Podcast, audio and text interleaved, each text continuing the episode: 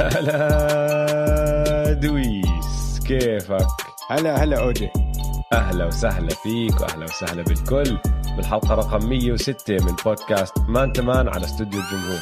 أنا اسمي OG معي زي دايما دويس. هلا والله بودكاست مان تمام نغطي كل عالم ال NBA playoffs فكرت بشغلة؟ آه. هذيك اليوم وأنا عم بسمع واحدة من حلقاتنا. يعني ليش بحكي أنا بغطي عالم NBA بالعربي؟ طب أنا عم بحكي بالعربي أكيد يعني إيش بغطيها؟ مش فاهم. فخلص راح تعتزل هاي من المقدمة. أظن ما راح تغطي تحكيها، عالم ال NBA أظن إذا بتذكر بعرفش مرات بنسى نص اللي بحكيه أنا. طيب مين أسوأ؟ أنت بما إنك هلأ لاحظت هالشغلة وما كنت ملاحظها صار لك 106 حلقات مش ملاحظها. 106 حلقات عم أو أنا اللي بسمعها صار لي 106 حلقات وما حكيت لك هالشيء مين أسوأ؟ أنت ولا أنا؟ أنا ما لاحظتها غير لما صرت ضفت كلمة playoffs نغطي عالم ال NBA playoffs بالعربي. ما صرت أفكر فيها عشان صار لنا 106 حلقات. صرت أحكيها بدون ما أفكر بحكيها كل يوم خلص زي مرحبا شو الأخبار؟ تمام والله. هيك ف هالمرة ما زدت كلمة ال playoff صرت أفكر فيها ف خلص يعني اللي عم. تحكيه إنه أنا أسوأ. إنه أنا أسوأ. كان مفروض انبهك من جم... من زمان عشان صار لنا 106 حلقات بنعيدها هاي القصة. دويس اليوم بدنا نبدأ. راح راح نغطي كل شيء صار طبعا بال NBA play بالقسم الشرقي والغربي بس راح نبدأ بالليكرز عشان ما نزعل جمهور الليكرز كمان مرة. مع إنه أنا. حاسس إنه بداية اليوم بدهم يعني. بالليكرز راح تزعلهم هم بدهمش أنا اليوم نحكي عنهم. الوضع صعب الوضع صعب عندهم. يا يا أخوان يا جماعة الليكرز بصير أحكي لكم شغلة. أنتم كتير إجانا مسجات منكم. آه، تحكوا لنا ليش بتحرقوا للليكرز وكل هالأمور هاي؟ ما حلقنا لهم. حكينا عنهم زي ما حكينا عن كل حدا تاني. ممكن الفترة اللي حكينا عنهم أخف شوي بس بصراحة يا إخوان يعني ما كانت سلسلة كتير مثيرة للاهتمام. أول كانت منتهية. مباراة كانت كتير حلوة. آه. وحكينا بالحلقة اللي بعدها يا زلمة أعطيناهم حقهم كتير وقتيها صح. وقلنا هاي راح تكون سلسلة نار. بعديها انصاب كريس بول والليكرز دمروا الدنيا. وخلص توقعنا إنه الليكرز راح يضلهم سالكينها للدور الثاني زي ما هم وخاصة بعد ال game الثالثة اللي لبران خلص اللي صار إنه عم بتخوت على ال Suns آه, آه عم بضحك شوف- بيلعب هو وجاي كراودر بالضبط آه فأنا قلت خلاص يعني انهوا يعني انه فيعني راح نحن. توقعنا وك- وكريس بول قاعد على ال bench بالكلتش وبقول شو مش عارف ي shoot مش. عارف ي dribble مش عارف يعمل إشي وقلنا الليكرز راح يوصلوا للأدوار المتقدمة وراح يجيهم دورهم لأنه راح نحكي فيهم لأنه بصراحة هم فريق راح يوصل للأدوار المتقدمة يعني. ما في غيرهم. بس بصراحة يا دويس بعالم ال NBA كل شيء بتغير. هيك. كل شيء بينقلب.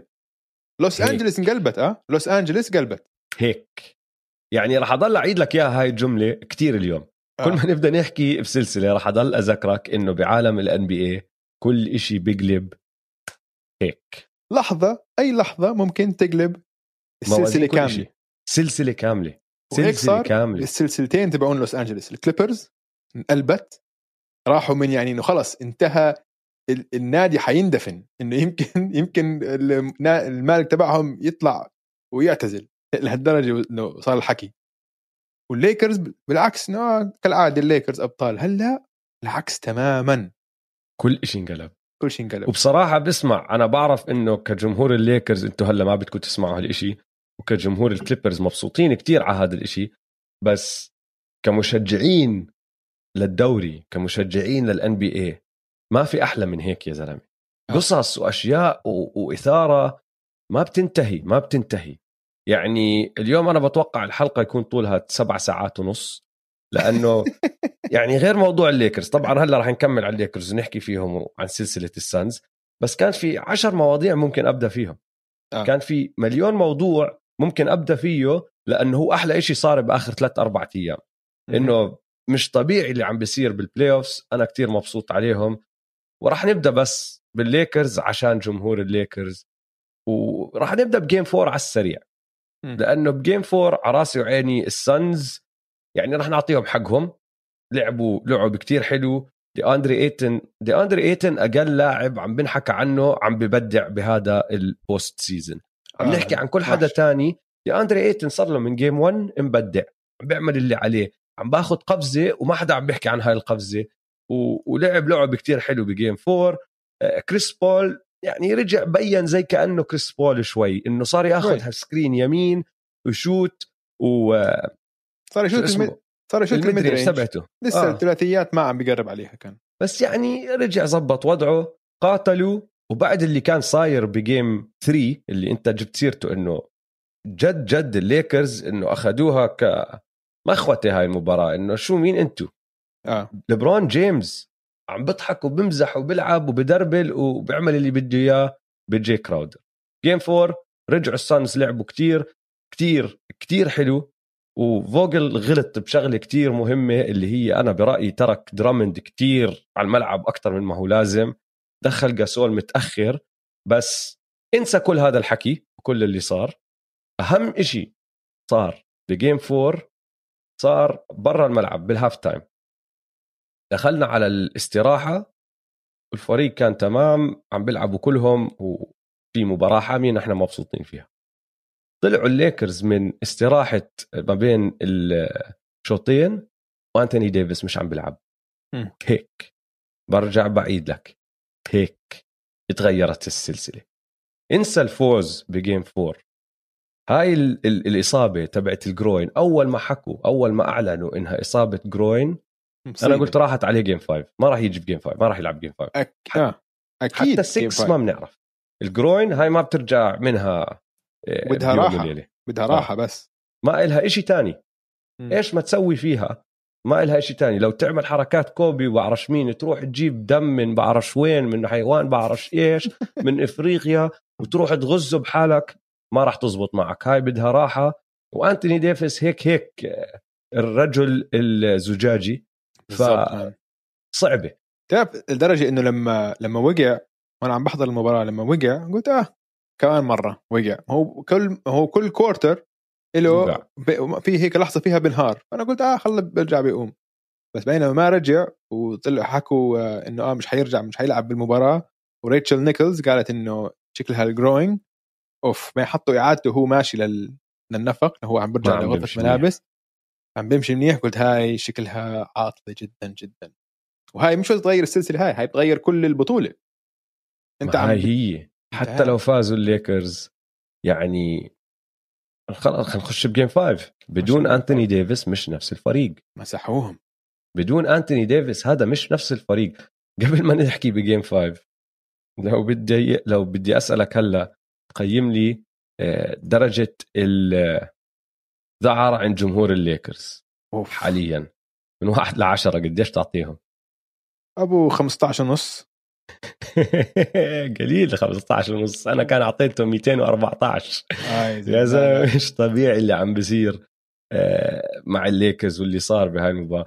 كانت آه، كانت مباراة كارثية من كل النواحي للليكرز. من آه. كل النواحي. شرودر سدد تسع مرات ما حطش ولا واحدة. KCP آه، رجع انصاب كمان مرة.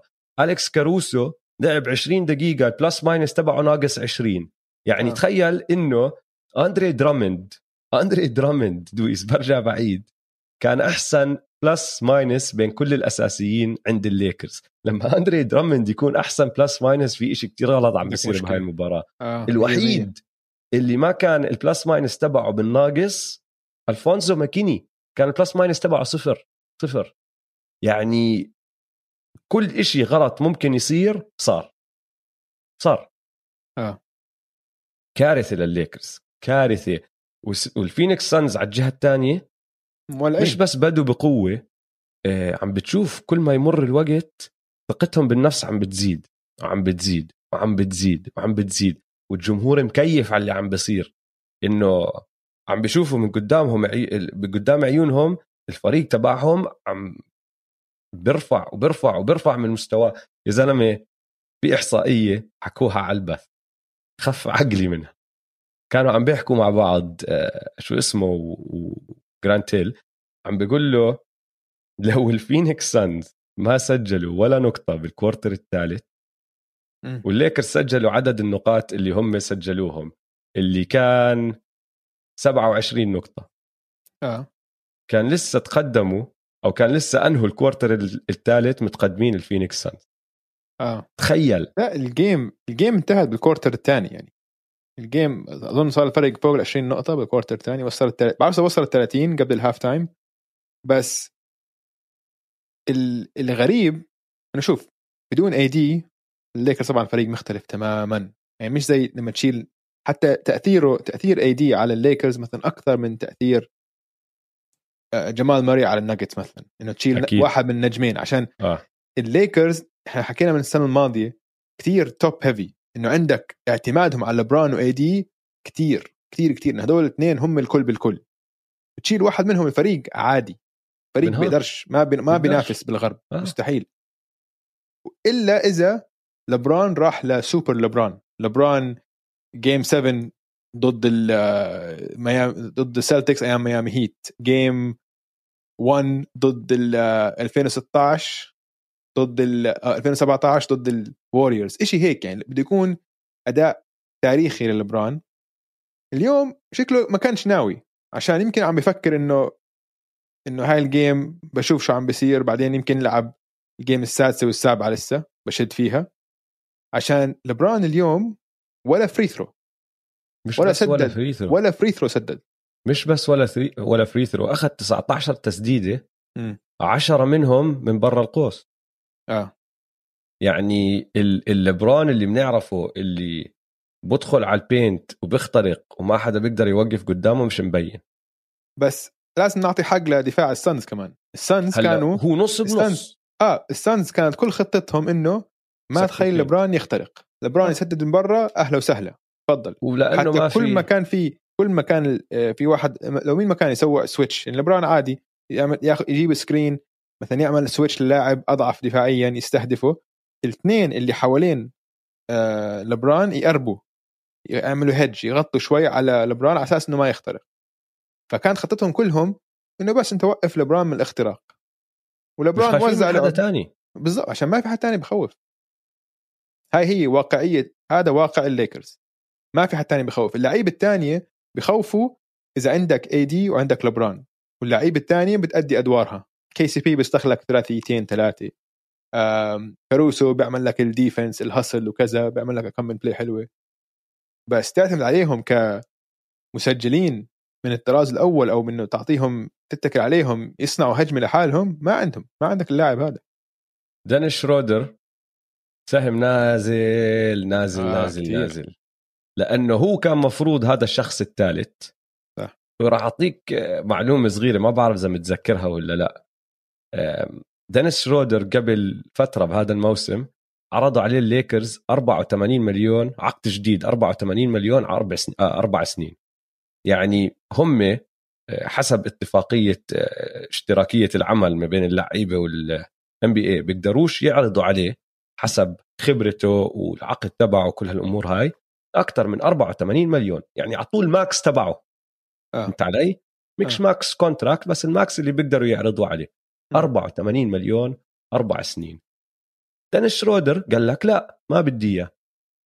حط بباله الزلمة إنه أنا راح أدخل على ال playoffs راح أبدع بال playoffs راح أصير لاعب حر بعد ال playoffs وبعد ما كل حدا يشوف شو بقدر أعمل وراح أصفي ضامن لي مصاري أكثر من فريق تاني آه، بالسوق الحرة وات مين راح يعطيه حتى نص ال 84 مليون هلا بعد اللي عم بشوفوه؟ آه. دينيس شرودر دخل على أساس أول السنة أنا راح أصير لاعب أساسي على هذا الفريق راح أساعد بصناعة اللعب راح أعمل هيك راح أعمل هيك راح أعمل هيك. على راسي وعيني. أول الموسم كانوا داحلين الليكرز. وعم بيلعب منيح كان ولبرون مبدع و AD مبدع والفريق كله مبدع. كانوا قمة ال West بعدين صابوهم مليون إصابة وحظهم تعيس كان هالموسم وصار اللي صار. هلأ وصلوا مرحلة إنه بيحتاجوا دينيس شرودر يرفع مستواه. آه. يبطل ثالث أحسن لاعب على هذا الفريق يصير ثاني أحسن لاعب يصير لاعب بيقدر يشيل شوية من الوزن اللي عم بيحمله آه، لبرون جيمس. ساعد بصناعة الألعاب وساعد بالتسديد. يا أخي التسديدات اللي أخذها بهاي ال game الخامسة تشمط بال rim هون تشمط بال board هنا خفان عقله الزلمة خفان آه. عقله الجمهور ما أظن أثر على أي لاعب على الملعب أكثر من ما أثر على دينيس شرودر. خفان عقله كان. صح. لا المباراة كانت سيئة. أكيد حيكون أحسن. هو أحسن من هيك. في لعبة كان مباراة كويسة بهال بهذه السلسلة. بس هاي المباراة مش آخر مباراته تنتين لا. آخر تنتين لا. آخر اثنين لا. آه. آخر اثنين السانز مسيطرين. السانز مسيطرين على الوضع كله. هلأ شوف هاي السلسلة roller coaster آه؟ مش آه. عارف إنه أول شيء كنا انص- انصاب كريس بول. تقدرش تتنبأ شو راح يصير. عشان اسمع عشان شفت اليوم اليوم انصاب كريس بول كمان. آه. رجع ضرب كتفه. آه. ف وكان علمت شفت الدقيقة كان ضايل 6 دقائق و47 ثانية. ال quarter الثالث والنتيجة 78 45 وحطيت ملاحظة هاي هي الدقيقة اللي كل مدينة فينيكس فينيكس انجلطت فيها. لأنه شفتوا؟ جد. شفت لما كان كان عم بيبكي على الملعب. آه آه آه, آه. يعني بقول اسمع إنه كريس بول زلمة رجل. آه لما إنه عم بيبكي هذا بألم بألم جسدي جد في ألم. وكمان قلبه حيتكسر. صراحة إنه أشعر بدني هلأ وأنا عم بحكي عشان معقول هلأ يرجع ينكسر كمان مرة؟ نفس ال... نفس الكتف معقول؟ بدك بدك تعرف اللي بخوف أكتر من هيك لأي حدا بده يرجع بالتاريخ ويشوف هالقصص؟ آه. الفينيكس سانز متقدمين 3 2 آخر مرة كريس بول كان بسلسلة متقدم فيها 3 2 كانت بال 2018 كمان ب game 5 اللي فازوها ايامها الهيوستن روكيتس وكان هو مع الهيوستن روكيتس انصاب وطلع ما لعب game 6 و7 وخسروا السلسلة. مش معقول man يعني هو مشان هيك ممكن زي ما أنت عم تحكي مش بس ألم جسدي. إنه براسه صار يتذكر post traumatic stress disorder صابه ال PTSD عم بتذكر حاله بال 2018 وشو صار فيه المسكين. بس آه بعد المباراة شفت باللقاء الصحفي بالمؤتمر آه. الصحفي تبعه حكى إنه حكى مع زلمتك مع كايل مع لاوري آه. آه عشان لاوري كان عنده نفس المشكلة السنة الماضية أو قبل سنتين السنة الماضية آه ف لاوري. راح عليه مباراة واحدة بعد هديك الإصابة بس أوكي. اللي صار إنه أخذه كتير وقت ليرجع يلعب ويحرك إيده وكتفه بالطريقة الطبيعية يعني هي مش إصابة بتقدر تحلها هيك إنه تروح تقعد عند الفيزيو يقعد يعطيك مساج ولا مم. إصابة راح تأخذ وقت ممكن تلعب ما عم بحكي لك راح يروح عليك كتير مباريات. يعني إذا راح عليه مباريات ممكن تروح مباراة على سبيل المثال. آه. بس لحد هلأ كريس بول ما راح عليه ولا واحدة وصار له من game 2 لأ آه. من game 1 من game 1. من أول game من أول جيم لعب جيم جيم- 2 لعب جيم 3 بس جيم 2 بس و ما 3 كان- ما لعب ما حتى. بالكلتش ما حطه على الملعب عشان بالضبط. مش قادر يلعب. فممكن يصير نفس الإشي إنه يلعب شوي آه، يعطيهم دفعة معنوية اللي هو بس ك إنه يطيب ما راح يطيب ما أظن من هون ل يعني إذا صمدوا بالبلاي اوف من هون للدور نهائيات القسم أو حتى النهائيات ما بعرف. تعرف إنه ليبرون جيمس بحياته آه، ما خسر بالدور الأول صح؟ آه. تعرف إنه غير هيك ليبرون جيمس هاي أول مرة فريقه بيخسر مباريتين ورا بعض بالدور الأول؟ ما عمرها صارت أوف. مسيرته. يعني عم بدخل عم عم بدخل على كيف بيقولوا لك uncharted territory آه. هذا إشي هذا موقف هو ما عمره كاين فيه من قبل. السنة الماضية الليكرز الأبطال ما لعبوا بولا مباراة إقصائية بكل مشوارهم بال playoff ولا آه. واحدة. لا السنة الماضية قطعوا ال playoffs ولا حد قرب عليهم. بتمنى إنه اثنين يتعافوا. بدي. أشوف كريس بول وبدي أشوف انتوني ديفيس وبدنا نشوف مباراتين نارية. تروح لل game 7 بس إنه كل حد يكون متعافي عشان نشوف الفريقين على, أرض الواقع عن جد. خليهم ينافسوا. اسمع ليبرون جيمس ما عنده خيار. لازم يصير ليبرون جيمس هلا خلص. آه. الليبرون جيمس. لازم لازم. خلص ما عنده. آه. بس خوفي أنا هلا صار. حتى لو شفنا هذا الليبرون جيمس المباراة الجاي. هل عم نشوف ال- ال- الزمن والعمر. لا لا لا لا أوجي ما بسمح لك. لا لا لا. ما لا بعرف. اسمع. لا شوف ما في حد بال NBA بيقدر يسويها لحاله ولا حدا. ولا عمره. حتى حتى ليبرون بعزه ليبرون بيحتاج يكون نجم معه زي أي حد لا ثاني بس يعني ليبرون جيمس أيام كليفلاند لما كان عنده بوبي جيبسون ومو ويليامز وزدرون آه إذا كان عمره 23 سنه آه. آه. بالضبط.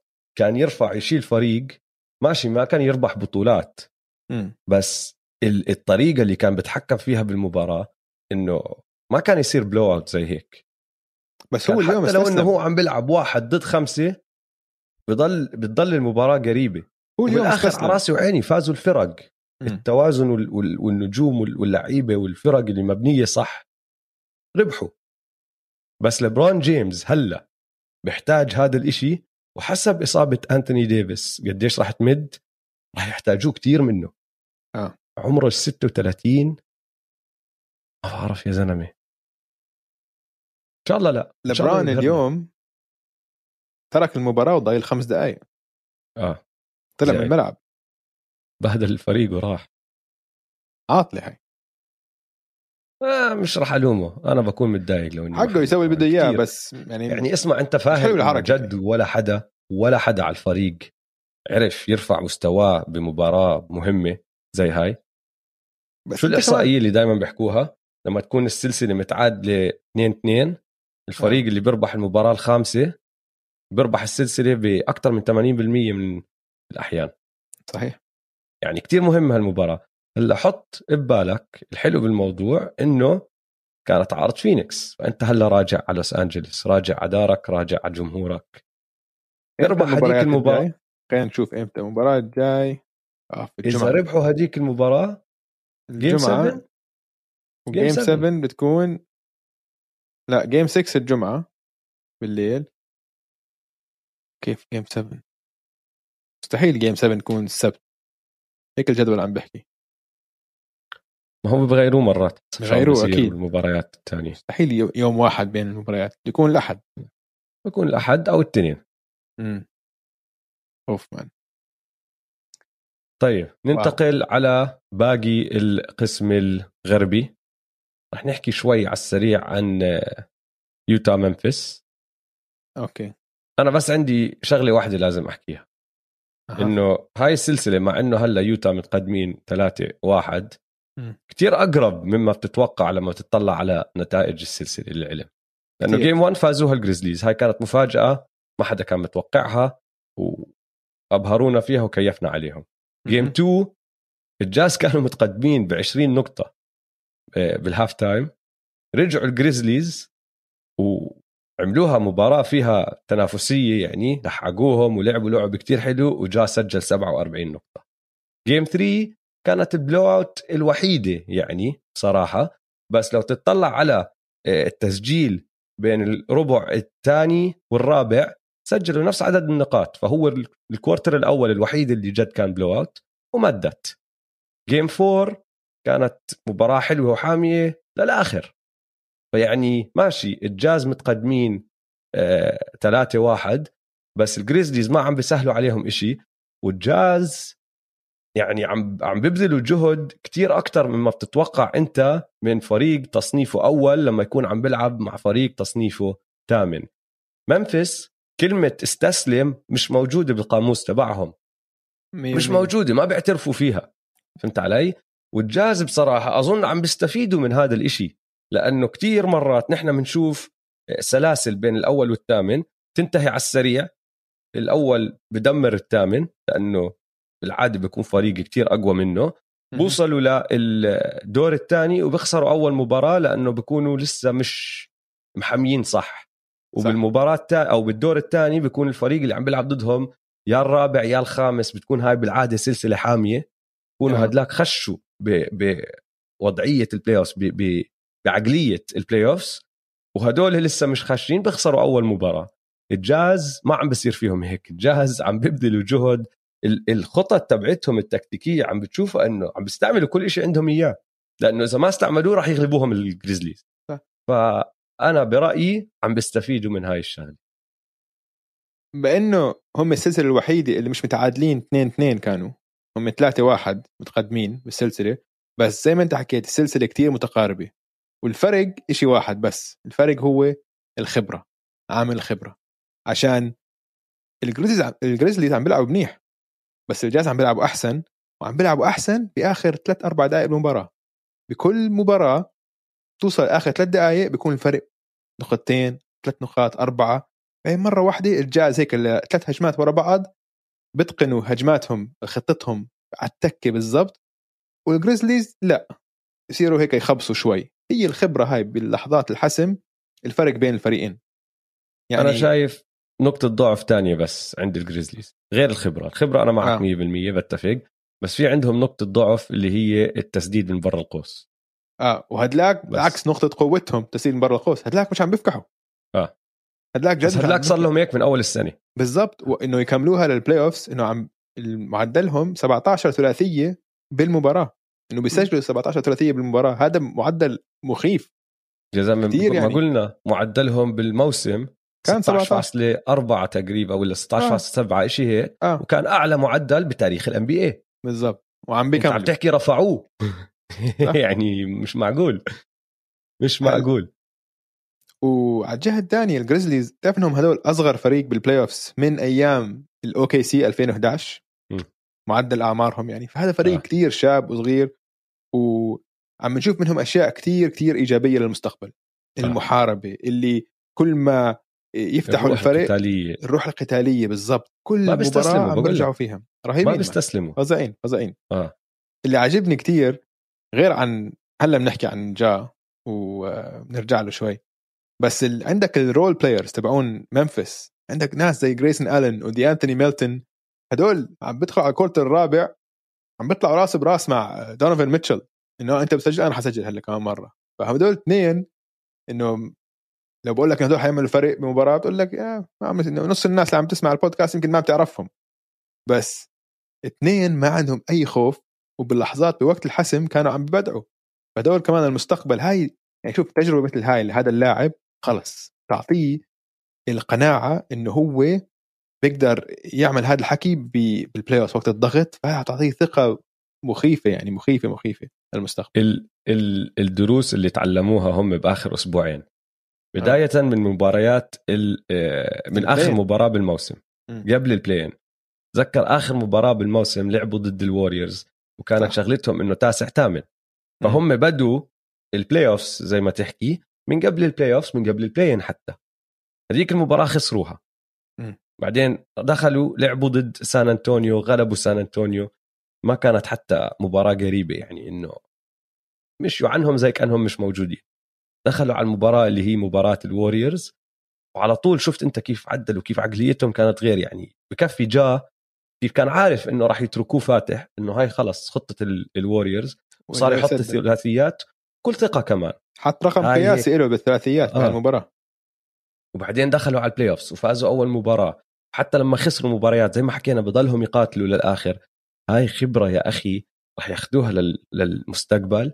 السنة الجاي راح يدخلوا بثقة كتير عالية لأنهم عارفين إنه نحن فريق بنقدر نقاتل مع أحسن فريق بالمنطقة الغربية. التصنيف و... ونحن لسه صغار عم نتعلم وعم بتعلموا أشياء ما بتقدر تتعلمها غير إذا عشتها.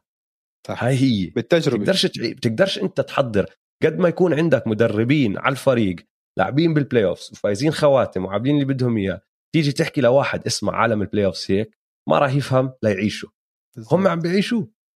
هاي الخبرة ممتازة. هاي الخبرة آه. ثمينة جدا جدا جدا لهم. طب أنا عندي سؤال لك سريع عن هاي السلسلة. آه لسه أنا في عندي أشياء أحكيها عن هاي السلسلة. آه طيب okay ما بعرف إذا هيك رح أخلي السؤال خلي السؤال الأخير آه. ممكن ممكن تجيب سيرته أنت بس كمل. okay. شيء ثاني كثير عاجبني آه محاربة ال point guards. جا ضد كونلي عشان هدول الماضي والمستقبل تبعون جريزليز آه، تبع ال Grizzlies وفي آه طبعا كونلي معروف إنه محبوب بممفيس بس خلص هم اختاروا جا وشحنوا كونلي على ب trade على الجاز وكان اختيار يعني منيح يعني إنه لممفيس المستقبل. طبعا بدك جا كونلي بآخر مسيرته أنتم فريق شاب والحكي هذا بس بعد ما كونلي فتح شوارع فيهم المباراة الثالثة أو الرابعة بالمؤتمر الصحفي حكى المقولة تبع الفيلم باتمان بين اللي بيقول لك إنه you either die a hero or you live long enough to become the villain. بقول لك يا أنت يا بتموت كبطل أو بتعيش كفاية لتصير تشوف حالك أنت تصير الشرير تقلب تصير الشرير. فهو هيك حس حاله. بقول لك احسس حالي غريب عشان أنا بحس حالي ببيتي والناس الجمهور ضدي. مع إنه هلا ما ما كان بحبوهم بحبوه بحبوه بس إنه يعني كان جاي مثلا يسجل وملعب يفيع وهيك بعدين يجي كونلي آه. يسكتهم بثلاثية. فهمت علي؟ هاي كانت اسمع بس مايك كونلي أقل إنسان بلبق له يكون شرير بكل ال NBA عيونه طيبين يا أخي. بالضبط. لما تطلع عليه لما تشوفه. لا طيب. وجهه طيب كتير. يا زلمة. ومحبوب آه. كثير هو عم بيلعب أحسن واحد بال يعني هو بالسلسلة هاي من هو مفتاح الفوز ل... للجاز عشان معدله 20 نقطة 10 assist والتقييم الإجمالي تبعه آه، زائد 14 وهو على الملعب. وهو برا الملعب ناقص خمسة ونص. فيعني الفرق اللي عم بيعمله مايك كونلي هو على الملعب فرق كبير. على الجهة الثانية طبعا جا عم بقدم أداء playoffs غير طبيعي. 31 نقطة ال average تبعه و8 assist هلأ وين الشيء الوحيد اللي لازم يحسنه؟ هو تسديد الثلاثيات. لأن لساته نسبته كثير واطية. آه بس يعني الفريق. كنجم هو. 23% هو. بس من الثلاثيات. Slow Mo لازم يحسن التسديد تبعه كثير بحب Slow Mo. نحن ما بنجيب سيرة Slow Mo بس Slow Mo حكينا عنه هذاك اليوم. تذكر آه. لما قلنا إنه بعطينا بعطينا أمل بعطي لكل حدا أمل إنه آه، يصير لاعب سلة. آه. وبعدها بمباراة آه، طلع fast break وكان ريجي ميلر عم بعلق. ريجي ميلر واحد من المتابعين بعت لي إياه قلت له حضرته يا زلمه الضحك. طلع هو fast break وريجي ميلر عم بعلق. بلف وبيحكي له أظن كان مار بيحكي له هاي أبطأ fast break شفتها بحياتي. مش معقول. بسموه Slow Mo عشان هيك. أبطأ fast break شفتها بحياتي.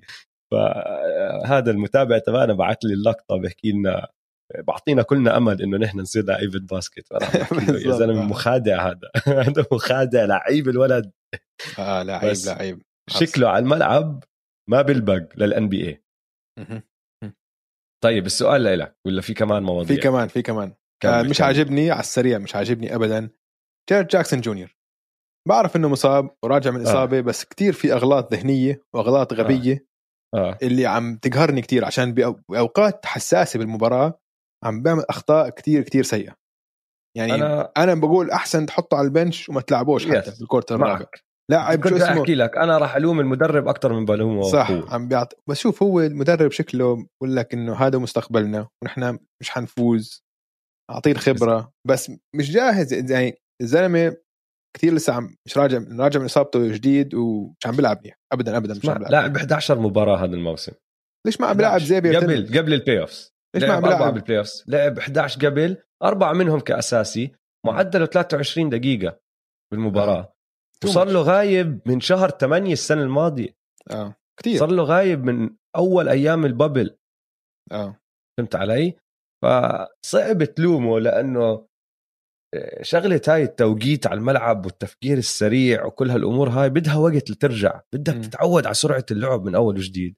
فأنا معك إنه آه ما عم بيساعد الفريق بس الحق مش عليه الحق على المدرب. تايلر جينكنز مفروض خلص يفهم إنه هو ما عم بيساعدنا على الملعب قاعدة عم بضرنا أكثر من ما عم بفيدنا. آخر إشي بس وهاي بس ملاحظة بس لل... لل round الجاي كمان حتكون مهمة. دونيفن ميتشل أحسن لاعب بهاي السلسلة بلا منازع. لف... آه. لأنه level ثاني آه. من النجم آه. إنه جا نجم ساطع وممتاز. هذاك نجم. هذاك النجم. هذاك إنه يعني حتى عم بيلعب مش عم بيلعب دقائق كثير بس إنه كل ما هيك Grizzlies يقربوا المباراة بيستلم. بدخل هو بسجل له score وفاول 3 بيعمل assist وبرجع بيفتح الفارق. وهيك. وفي في نظرة على وجهه إنه يا زلمة أنا دونيفن ميتشل عندي الموضوع. عندي أنا دونيفن ما عليكم. طيب السؤال إذا هيك تبعي لإلك. سريع كتير. إيه لاحظت إنه جا مهمة؟ جا جا آه. حاط بباله بده يعمل شغلة واحدة طبعا. اللي هي poster بوجه رودي جوبير. جا على مهمة. خلص انه إنه مش معقول شو مبينة شو واضحة الشغلة. هو بس يشوف رودي حاط بباله أنا راح أ dunk على هذا الزلمة. آه. خلص يا ريت تصير. له يا مباراة يا مباراتين يا ثلاثة بالكثير ثلاثة. يا ريت اظن صعب نوصل لثلاثة. طيب له يعني وحدة على القليلة. آه. ممكن ممكن تنتين. بعملها ولا لا؟ والله اسمع راح يحاول. عم بيحاول هو. كل جيم عم بحط له واحد أو اثنين. اسمع ذاك اليوم تفول. يا ريت. بعد ما تفول. يعني نط رودي شمطه الفاول. آه. جا كان طالع يحط الدنك. رجع لورا. هو عم برجع لورا لسه حاول يحطه. هو عم بوقع لورا عم بحاول. إذا مش مش معقول شو واضحة الشغلة. جا بده يدنك براس رودي بده يفضح يا ريت. يا ريت. هاي بتكون آه، فوز معنوي خرافي بال بالهذا بالسلسلة. رهيب. آه يا ريت. آه. طيب راح ننتقل على آه، السلسلة اللي وين؟ بعدها. راح ننتقل على موضوع كم نقدر نبدأ الحلقة فيه نحكي آها. فيه من أولها. هي ماشي؟ هلا راح أرجع لك لورا بسلسلة بورتلاند ودنفر ناجتس لأول أربع مباريات. okay. متعادلين 2 2 الفرق بعد أول أربعة. بس بصراحة ما كانت سلسلة محمسة من ناحية المباريات اللي عم نحضرها. يعني المباراة الوحيدة اللي خلصت والفارق كان أقل من 10 كانت game 3 وحتى هديك ما كانت مباراة حماسية. بورتلاند فازوا game 1 و game 4 لأنهم اعتنوا بالطابة ال turnovers ما كانوا موجودين. كان عندهم 29 assist و24 assist ويعني سجلوا خمسة أو أكثر من لاعيبتهم 10 نقاط أو أكثر فوزعوا اللعب كتير حلو. يوكيتش بهدول المباراتين كان عنده assist واحد بكل مباراة. آه. game 2 و 3 تغير الموضوع. ال- ال- الناجتس استفادوا من الحجم اللي عندهم إياه بالنص. نيركيتش طبعا طلع fouled out بالمباراتين صفى إينس كانتر وكارميلو قاعدين بيمسكوا يوكيتش ومش فاهمين شو يعملوا. صفوا الناجتس فايزين. فماشي على راسي وعيني عم نشوف تكتيكات أو حروب إنه تكتيكية حلوة بس المباريات نفسها ما كانت كتير محمسة. بعدين صارت game 5 game 5 كل إشي ممكن تطلبه انت كمشجع سله بدك اياه بمباراة playoffs فيه. ال game طالع نازل. الفريقين كان عندهم تقدم والفريقين الخصم رجع وتعادل. الفريقين كان عندهم آه، بآخر المباراة أو في المباراة كلها آه، هجمات و- و- وأشياء كتير حلوة بتوزيع اللعب وتكتيك حلو.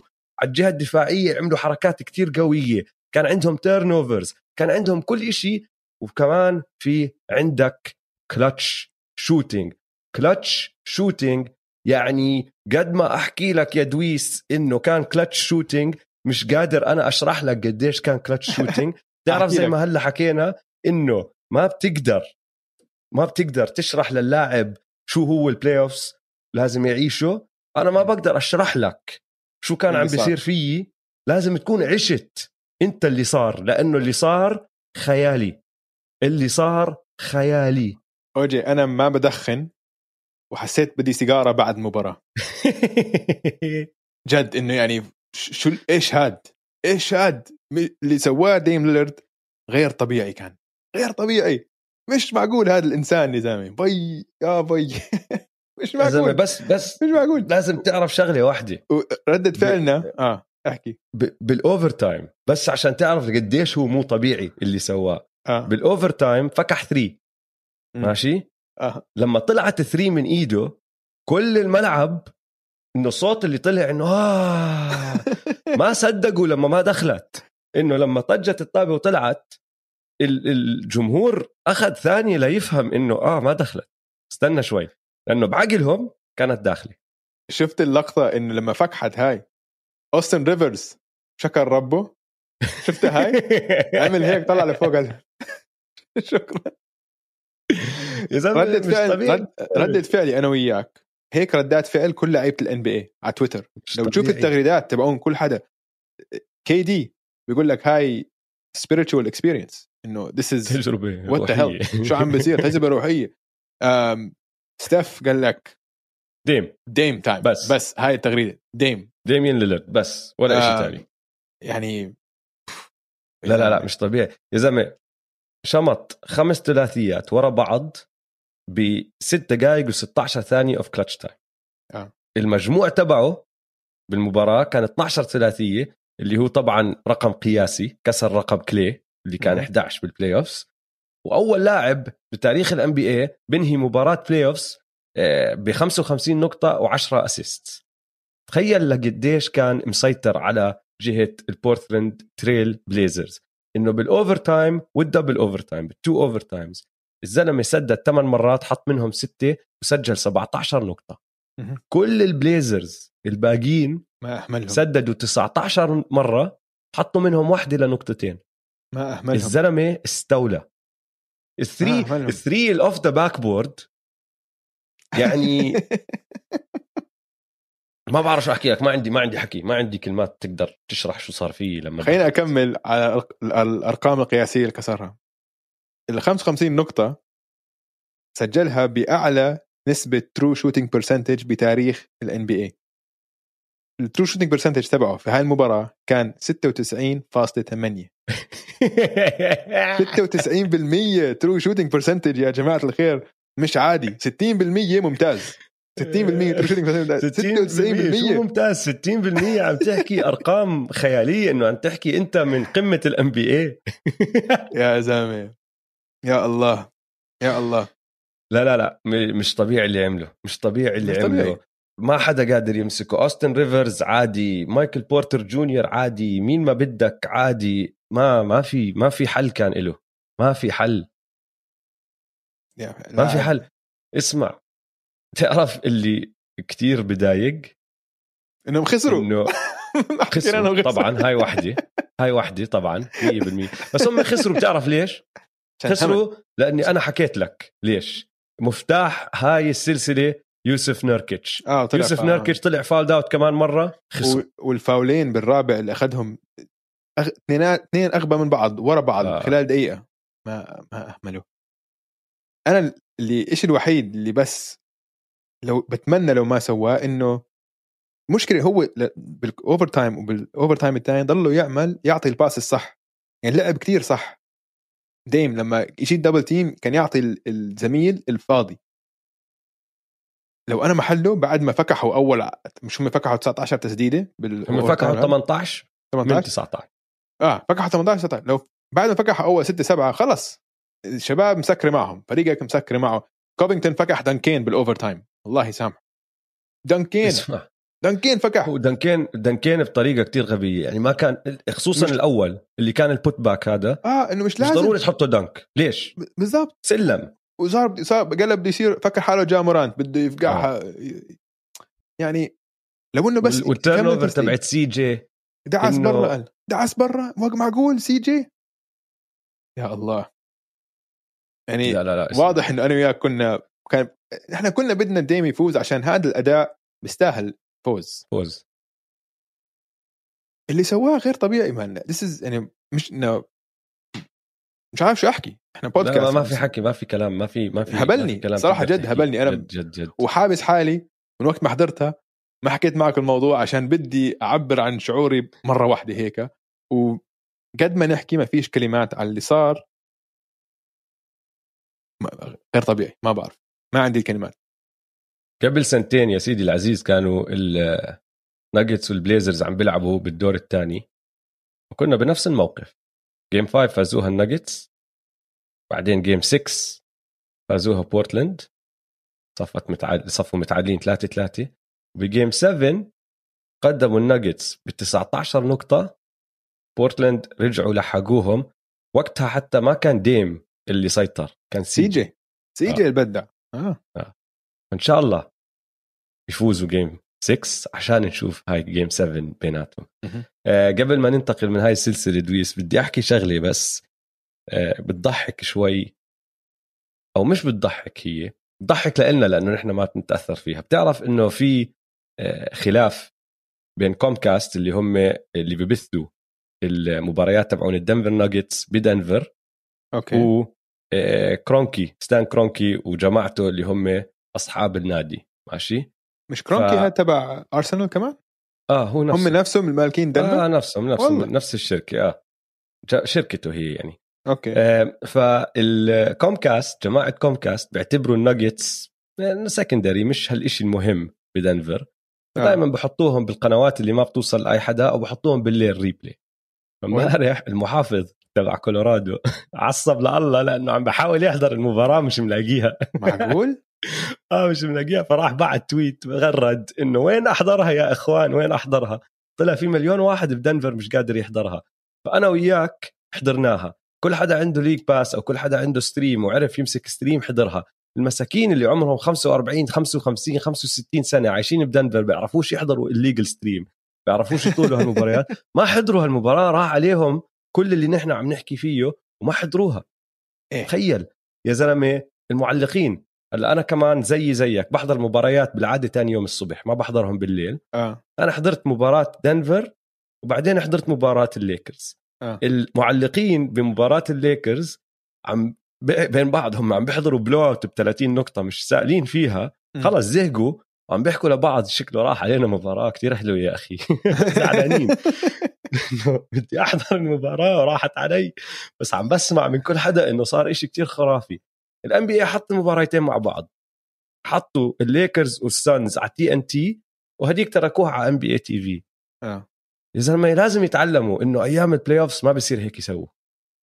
مش مش ديم ليلرد ومعاك ال MVP بس هم شوف ال ال ال هاي شغلة business ال Lakers أكثر راسي. آه بس أنا ما عم بحكي لك إنه تحطوا هدول وتخلوا هداك NBA TV غيروا التوقيت يا أخي. صح. آه آه.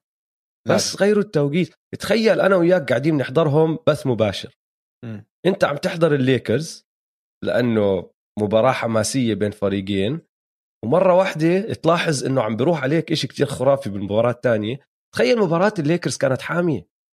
تخيل آه. لبرون جيمس وكريس بول نازلين ببعض و crunch time وبعرفش إيش وعلى الجهة الثانية عم بيصير معك موضوع ديم ليلرد وهاي المباراة. يا زلمة وجع راس. بس المهم أنا بس حبيت أحكي لك قصة دنفر لأنه آه، أغلب جماعة دنفر ما حضروا هاي المباراة تخيل. آه غريبة ما كثير غريبة. آخر شغلة عن هاي السلسلة آه. احتراماتي للجوكر الجوكر. لاعب كبير. كبير آه. أوجي. هذا يعني لاعب مش بس MVP هذا اللاعب من أفضل اللعيبة في التاريخ. إنه الطريقة اللي بسيطر فيها على المباراة كمان لازم نعطيه حقه. نحن حكينا كثير عن ديم عشان اللي سواه ديم كان خرافي بس على الجهة الثانية في حد فازوا اللي هو يوكيتش. وفازوا بطريقة أرقام حلوة. أرقام حلوة ودائما بياخذ القرار دائما بياخذ القرار الصح بيعطي ال pass الصح. يعني واللي عم بيساعده كمان ابني وفخري MPJ بورتر جونيور. والله إنه عم بيلعب منيح. هلأ عم بيعمل فاولات هاي المباراة لعب منيح. لا عم يفول كتير هو هاي مشكلته. لا, لا بس هاي لعب منيح. رجع يسجل وهذا المباريات اللي قبلها ما كان عم بيلعب منيح. لا كان عم بيلعب منيح بس مشكلته إنه ما كان عم بيلعب عشان إنه عم ضله يكسب فاولات كتير أو يرتكب أخطاء كتير فعم بقعد على ال bench كتير. أما طلع نسب تسديده منيحة. بس ال pass مثلا اللي أعطاه يوكيتش في آخر مباراة كانت تعادل 140 140 كان هو على ال... على القلبه على اليمين وبورتر بالزعيب الشمال. في بيناتهم ثلاث لعيبة. وحتى كوفينغتون حاول ينط اعطاه ال pass بتعرف كيف باسات بيرلو؟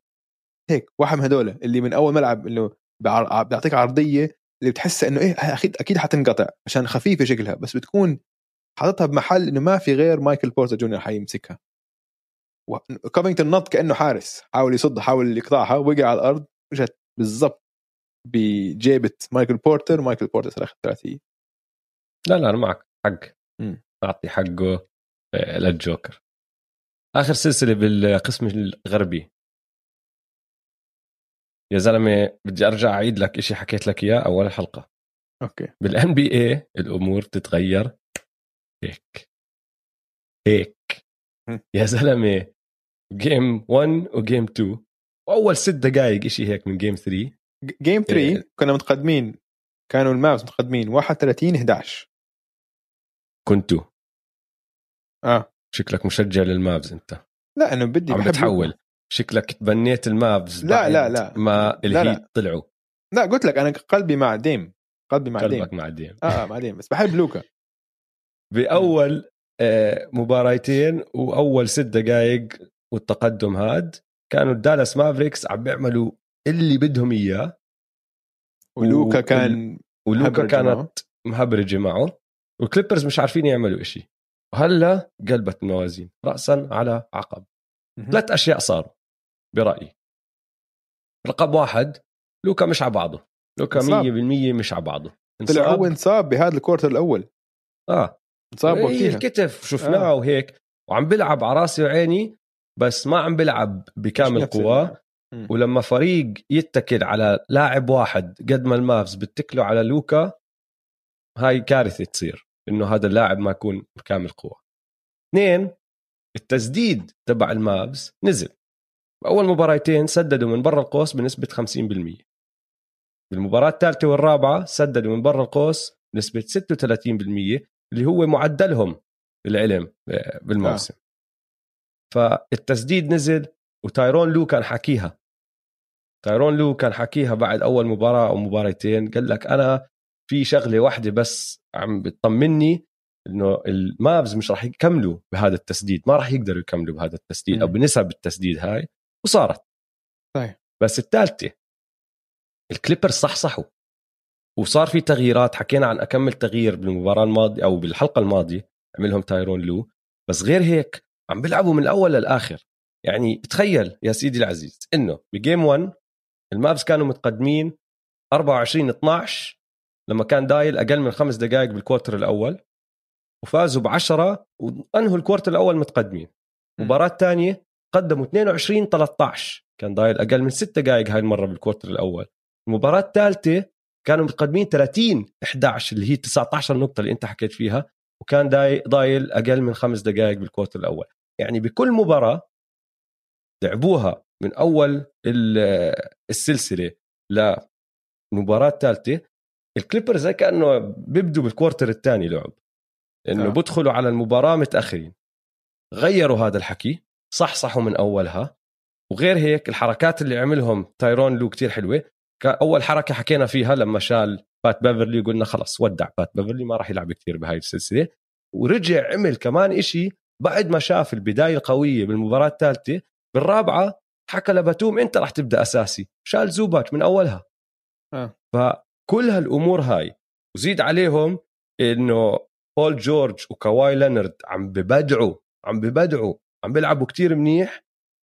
خلص هذا الفريق صار يلعب آه، بشيء يقارب السقف تبعه. والمافز عم بيلعبوا بكتير أقل من اللي بيقدروا عليه لأنه لوكا مصاب وكل هالعوامل هاي. طبعا هيك رح يصير. اذا بول جورج معدله 25 نقطة 8.5 rebound 4.5 assist. كواي راح أعطيك أرقامه بعدين راح أعطيك نسبه لأنه نسبه شيء مش لا يصدق. آه. معدله 33 نقطة 8.5 rebound 3.8 assist تعرف بأي نسب عم بسدد؟ من الملعب 63% من برا القوس 48% و88% من ال free throw line شو عم تحكي أنت؟ شو عم تحكي؟ مش بس هيك. لو لو بتحضر المباراة مبين عليه من الأول إنه أنا جاي بدي آكلكم أكل. على الجهتين.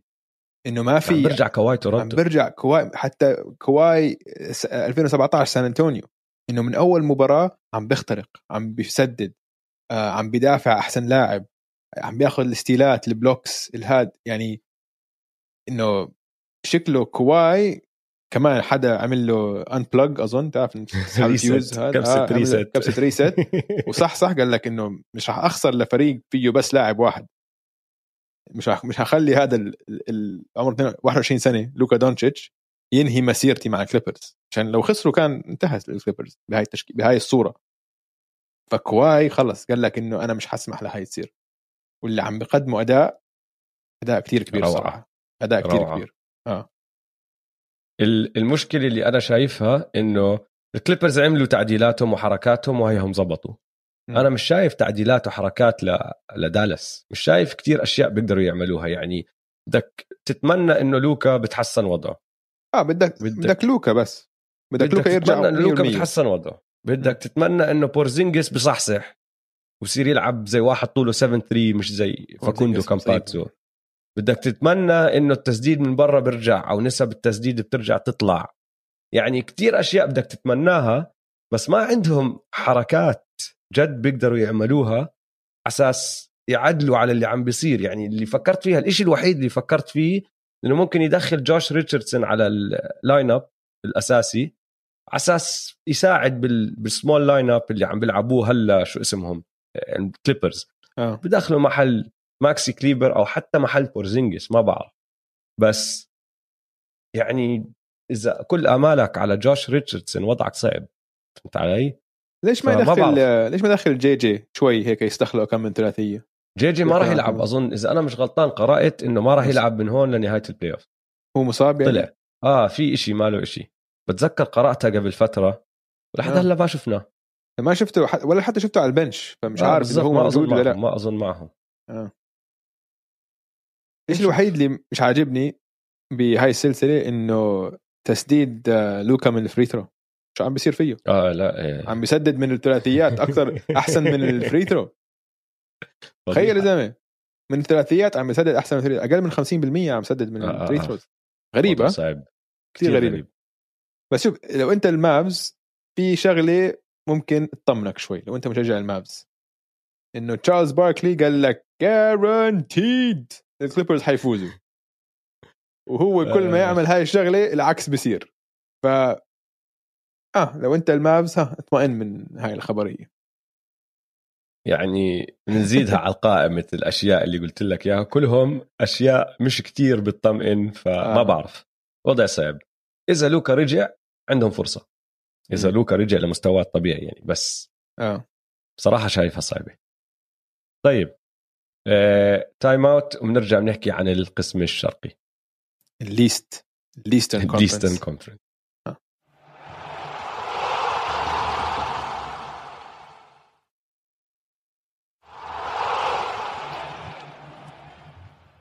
رجعنا من ال time out خلينا ننتقل على القسم الشرقي يا دويس آه، على ال East. ال Eastern Conference زي ما انت عم Conference. تحكي ودعنا فريقين رسميا مهم. الأول اللي هو أصحابك الميامي هيت والثاني اليوم الصبح البوستن سلتكس راح نبدأ بهدول الفريقين على السريع ما راح السريع. ندخل آه ما راح ندخل بتفاصيل شو راح يعملوا بالمستقبل وكل هالأمور هاي مم. نحكي بس عن اللي صار بال playoffs كل هدلاك التفاصيل نحكي فيهم بعد ال post season بعد ال playoffs آه.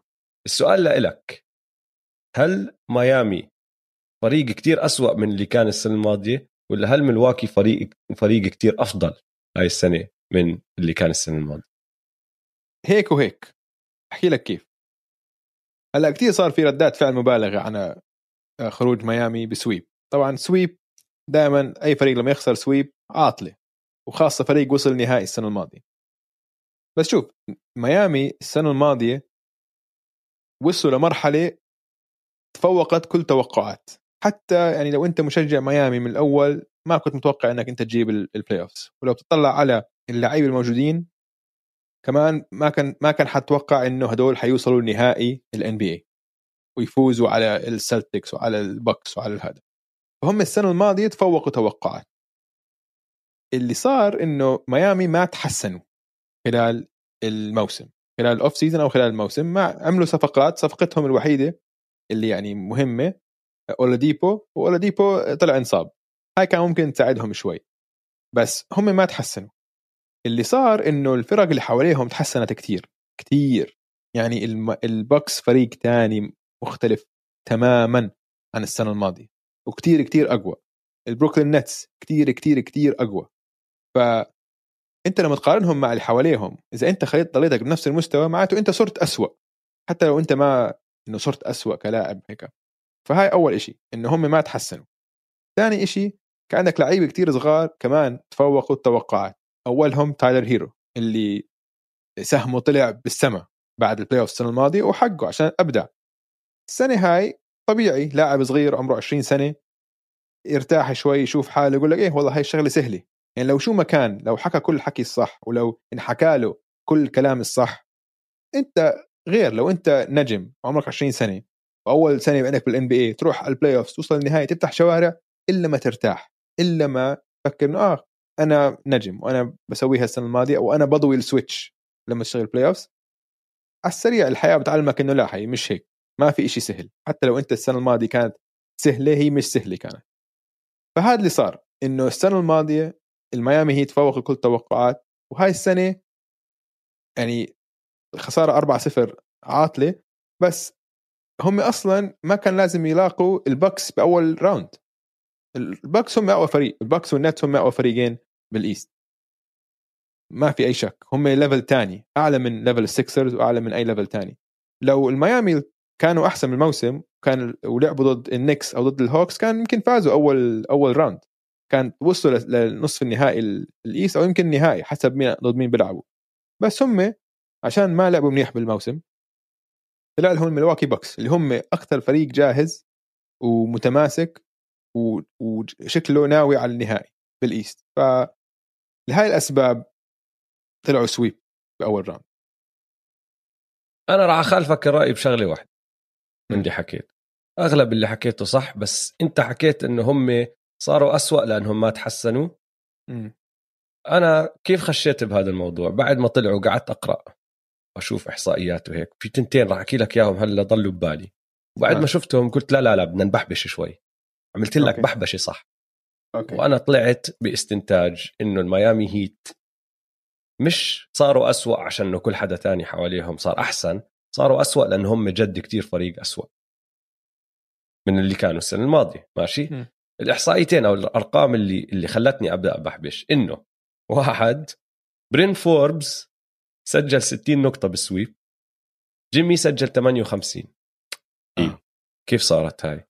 نسبة التسديد تبعته كانت تحت ال 30% عند قعدت أطلع على الفريق.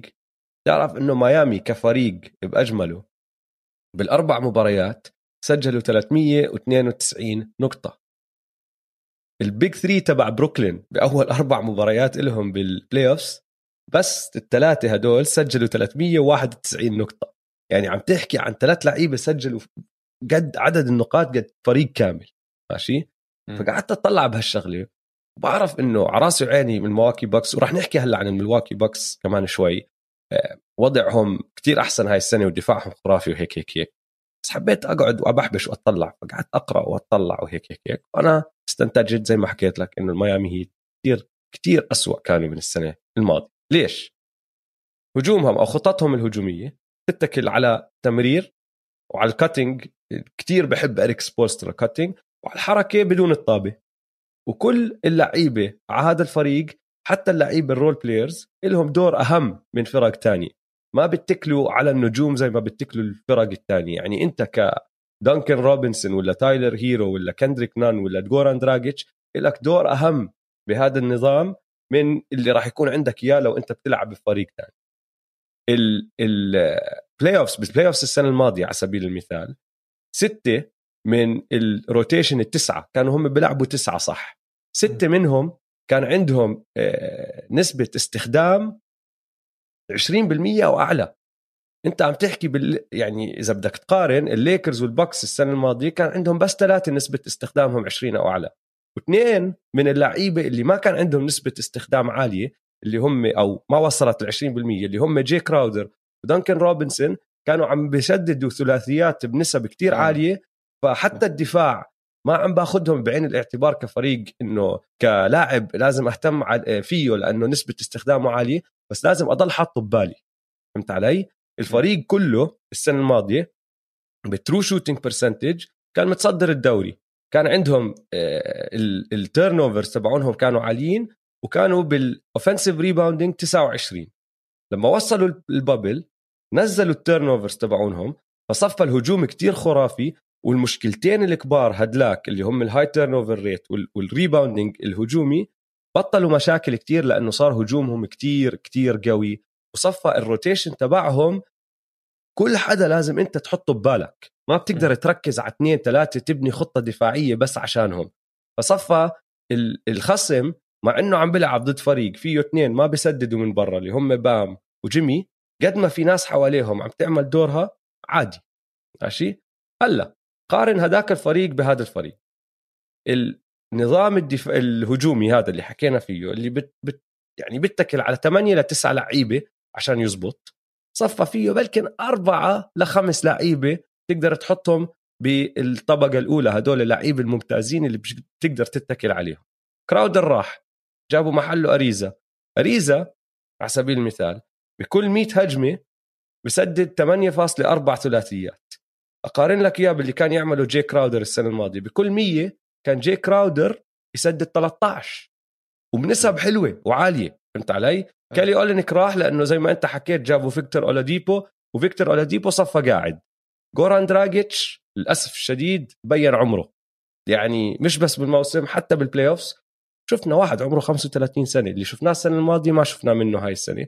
وزي ما انت حكيت تايلر هيرو مستواه نزل. يعني ال- الصيف الماضي كان عنده 20 مباراة التسجيل تبعه فيهم كان 10 نقاط أو أعلى. بما فيهم المباراة الخرافية اللي حط فيها 37 بالني... آه كسر رقم دوين ويد بالضبط. تخيل. يعني بالأربع مباريات هاي السنة نفسه هذا اللاعب معدله كان تسع نقاط. تخيل. هذا نفسه اللي للعلم وهاي شغلة صغيرة على الجنب. اللي بات رايلي قال لك ما بدي أنا أعمل تريد إذا الإشاعات صح لجيمس هاردن عشان ما بدي أدخله. ف ب trade فهاي يعني ممكن تكون غلطة كبيرة إذا جد صارت.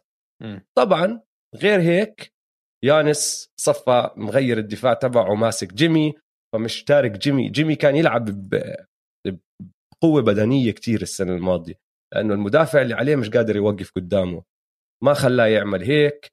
آه، الطريقة اللي بدافعوا على بام أديبايو اللي هي ابعد عنه وسدد وإذا جبتها جبتها إذا ما جبتها نحن رح ننبسط. هاي ما كانوا عاملينها بالضبط السنة الماضية. جرو هوليدي طبعا غير الدنيا. فبشكل عام على رأسي وعيني الملواكي باكس تحسنوا بس ما أظن إنه الميامي هيت ضلوا زي ما هم. الميامي هيت صاروا أسوأ. آه والنظام تبعهم اللي بيتكل على هدول اللعيبة وهدول الحركات وال off the ball cutting وكل هالأمور هاي بطل عنده لعيبه بتقدر آه، تنفذ الخطط هاي وصفوا مشان هيك طالعين ب sweep من الملواكي باكس.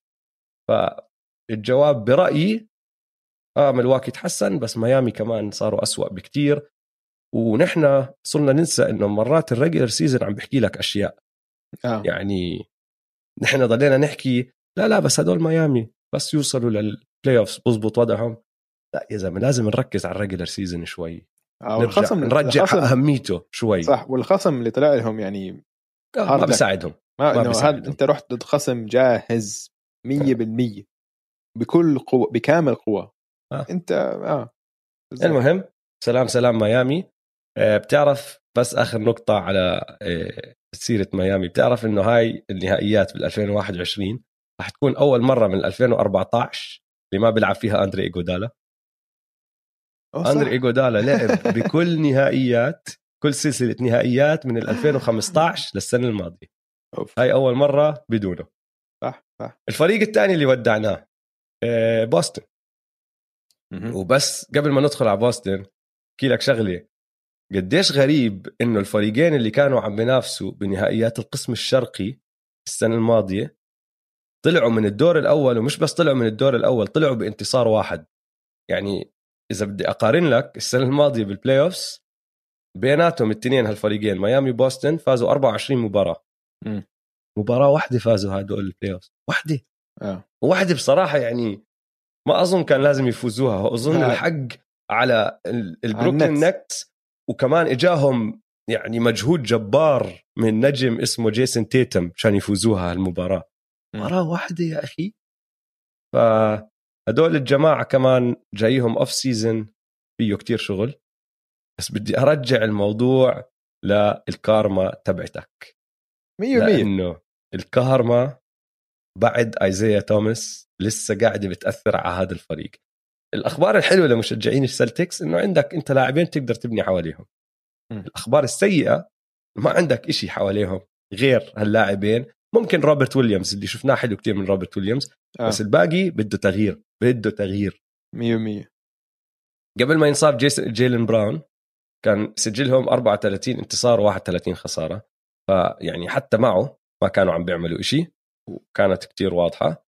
طبعا خسروا هيورد الصيف الماضي بس حتى هيورد ما لعب كتير بال playoff السنة الماضية لعب بخمس مباريات من ال 17 مباراة.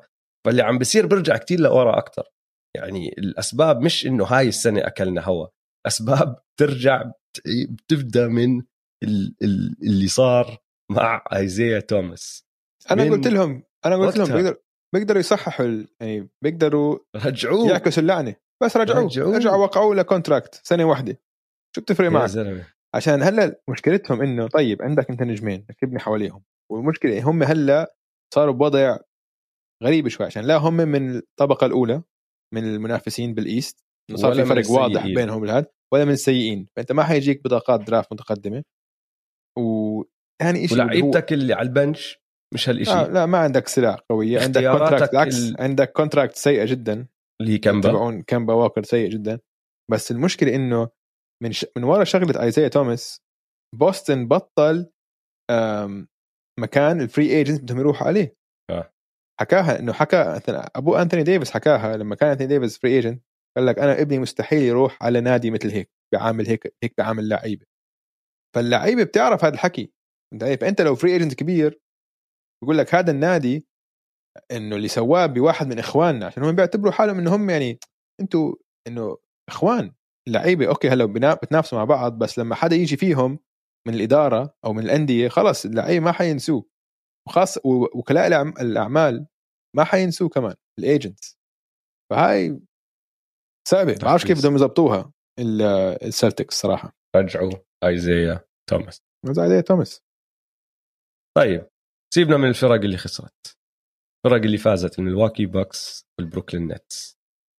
سلسلة نارية وبرأيي هذا هو النهائي. نهائي ال NBA القسم الشرقي مبكر 100% آه نهائي القسم الشرق 100% بس ممكن نهائي ال NBA خاصة إذا الليكرز بيطلعوا من الدور الأول أو انثوني ديفيس مصاب. يكون هو النهائي. عشان هدول هم أكثر فريقين بخوفوا. وإنه حيتوا... حيواجهوا بعض هلأ. السلسلة حتكون ناريه بتبلش يوم السبت بالليل. فنحن بحلقة السبت نعطيها preview كامل. كامل تمام. كامل. عن هاي السلسلة. تمام. بس بدي أحكي شغلة عن النتس. عشان حكينا الحلقة الماضية حكينا كثير عن الباكس قديش تحسنوا وكذا فغطينا أعطيناهم حقهم شوي قديش كيف مسحوا الهيت. النتس النتس اللي عم بيسووه هدول الثلاثه يعني ما يعني جد زي ما حكى هاردن scary hours رعب. رعب. أنا عندي أنا عندي النسب أرقام كثير وهيك. أحكي لك النسب. آه آه. بس أنا بدي ما كنت عارف راح نحكي السبت كنت مفكر اليوم راح نحكي فرحت حضرت كل شيء حضرت كل شيء؟ طيب آه طب احكي لنا هيك شوي منهم عشان نخلي أرقام للسبت. خلي معظم الاشياء للسبت بس احكي شوي عن اللي سووه اللي سووه بالسلتكس. بس راح أحكي عن الهجوم. آه. شو رأيك؟ بس بدي أحكي. أكمل شغلة عن هجوم البروكلين نت. ماشي. لأنه في أرقام يا دويس راح تخفف لك عقلك باللي عملوه بالدور الأول من اللي عملوه بالدور الأول. م. قديش معدلهم كثلاث لعيبة بهاي السلسلة؟ 100% قرأته محل. آه آه. 85.2 أعلى معدل مسجل من قبل ثلاث لعيبة بسلسلة playoff بتاريخ ال NBA صح ولا لا؟ لعلمك ممكن يكون أعلى ترى آه. عشان في طبعا ممكن يكون أعلى. كان في آه blowouts آه آه. كان في blowouts ما كانوش عم بيلعبوا كل مباراة وواحدة منهم كايري ما لعبش منيح فنزل معدله كتير. لا لا تعرف مين تاني أعلى آه ثلاثي بمعدل التسجيل بسلسلة playoff إذا حزرتها دويس بدي أغير اسم البودكاست أسميه بودكاست دويس. طب أعطيني أي سنه ما هو إذا ما حتى لو أعطيتك ما راح تعرف ب 1962 إيش بعرفني man ويل تشامبرلين وكمان اثنين قطريز. لا ألجن بيلور جيري ويست وواحد اسمه رودي لاروسو مع الليكرز آه 84.2 لا اسمع يعني أنت عم تحكي بدك ترجع 50 سنة لورا.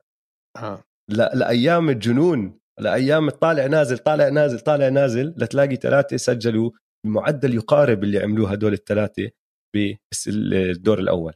أنا قديم بس يعني مش ستينات قديم. مش قديم يعني تسعينات قديم. okay؟ طيب. okay. هلأ شوف. هذا الرقم الكل حكى فيه. وواضحة الشغلة طلعت هيك هيك هيك. رقم خرافي. بدي أعطيك رقم لسه أكبر من هيك. وجد لما قرأته مخي ما استوعبه. إنه رجعت قرأته كمان مرة. رجعت تأكدت. لأني كنت متأكد إنه في كذب بالموضوع. مستحيل هذا الحكي عم بيصير. والرقم خذ بعين الاعتبار. عم بعطيك إياه بدون المباراة الخامسة. المباراة الخامسة خلصت اليوم. ما أخذت بعين الاعتبار اللي صار اليوم مع إنهم الثلاثة سجلوا. بعرفش اكمل نقطة. يعني لعبوا كتير حلو كمان. ماشي؟ آه. الثلاثة هدول. وزيد عليهم جو هاريس. لما يكونوا على الملعب بالسلسله بسلسلة الدور الأول سجلوا 141 نقطة لكل 100 هجمة. أنت أوف. فاهم شو اللي عم بحكيه؟ أوف. 141 بكل 100 هجمة. واو. يا إخوان إذا نحن بدنا نرجع نفكر بأعظم الفرق الهجومية اللي نحن مرت علينا يعني الجولدن ستيت ووريرز كان هجومهم روعة صح؟ رحت طلعت أرقام الجولدن ستيت ووريرز أخذت ال top four تبعونهم اللي هم ستيف كلي دورانت ودريمن تعرف أعلى رقم وصلوه هدول الأربعة؟ 120 تسجيل ب 100 هجمه 120 صح؟ بالضبط 100 وشيء 20 123 ولا 122 بكل آه. 100 هجمة. عم بتزيد عليهم كمان 20 نقطة تقريبا يا زلمة. مش معقول اللي عملوه؟ شو هاد؟ شو هاد؟ اسمع بعيد. إحنا لما صارت الصفقة بقول لك هاي التشكيلة هاي التركيبة بفريق واحد عمرها ما صارت. مش عشان مش عشان ما عمره ما كان في ثلاث نجوم على فريق واحد. عمرنا ما شفنا ثلاث نجوم عندهم مهارات هجومية فردية مثل هدول الثلاثة. ما في ما عمرها صارت بالتاريخ. الهجوم لو طلع على هجومهم هجوم كثير سهل كثير simple أعطيها isolation لواحد. يا بياكل إذا واحد على واحد بياكله إذا بيجي ال help عندك واحد فاضي أعطي pass هيك هاي هي. ما في إنه ما في داعي لخطة هجومية ولا شيء ولا خطة هجومية ولا شيء عندك عندك كايري عندك كيفن دورانت عندك جيمس هاردن. إذا من النسب اللي عم سددوا فيها أوجي يعني كنت أحط لك إياهم. دورانت عم سجل 32 نقطة. معدله 55% field goal 50% ثلاثيات و90% free throws فوق 90% حتى. جيمس هاردن 28 نقطة. 55% field goal 48% ثلاثيات 90% free throw كايري ايرفينج 25 50% 40% ثلاثيات 92% free throw دول نسب غير طبيعية. غير طبيعية. و... و... وما بتخيلهم حي... هالنسب حيتغيروا كتير ضد أي ضد أي خصم. عشان 1 on 1 فيش لاعب بال NBA بيقدر يدافع على كايري. فيش لاعب بال NBA بيقدر يدافع على جيمس هاردن. وفيش لاعب NBA بيقدر يدافع على كيفن دورانت. فشو حتعمل أنت؟ شو حتعمل؟ ما في ما, ما في إنه بدك بدك أنت تتمنى إنه الفرصة الوحيدة إنه أنت تتمنى إنه لما يوصل لوقت الحك يصير في ارتباك أو يصير في يشعروا بالضغط وواحد منهم يصير معه تشوك والثاني الفريق كله يتضعضع عشان ما مروا بصعاب لسه مع بعض ما خاضوا حروب مع بعض يمكن الخبرة الجماعية ما تساعدهم ممكن يعني ممكن بس لو بتطلع إنه لو بفكر فيها بعقلي بقول مستحيل. حيفوزوا هدول كيف تغلبهم كيف توقفهم. يعني بدك بدك تسجل بدك تسجل 150 نقطة عشان تفوز. كل مباراة. كل مباراة. وممكن ما تفوز للعلم. ممكن. ممكن تخسر. أوف man طيب اسمع اسمع حطهم حطهم على جنب. راح نكمل على البروكلين نتس وبنحكي كمان عن الملواكي بوكس وعن ال match up تبعهم بحلقة يوم السبت. طيب okay. آه. عندي سؤال واحد بس. آه. آه، عن عن نتس قبل ما ننتقل للسلسلة اللي بعدها. شو رأيك بكايري لما دعس على لاكي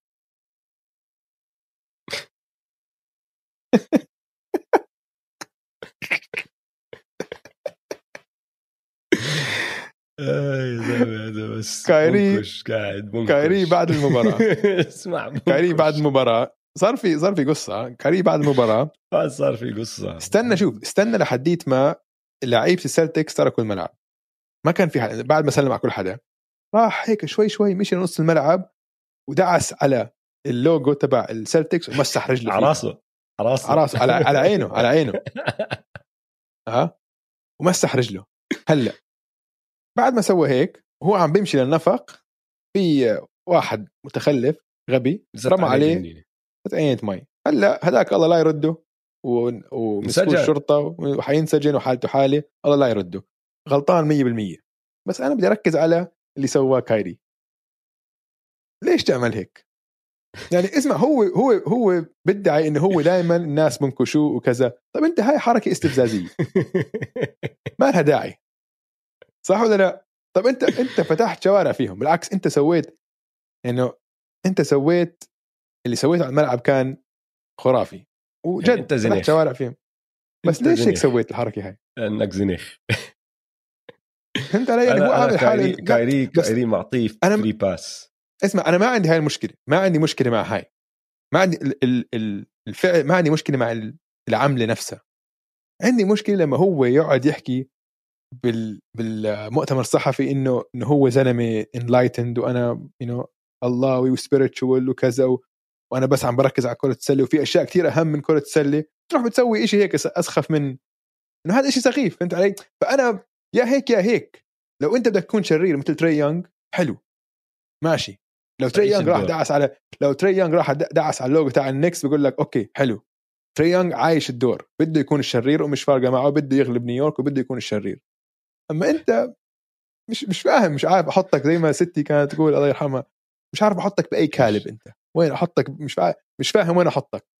أنت الزلمة ال enlightened ال هلأ بدعي إنه هو مسلم صار وكذا فيعني أنت هيك ولا أنت الرجل الصغير الاستفزازي مش عارف بس لاعب كبير.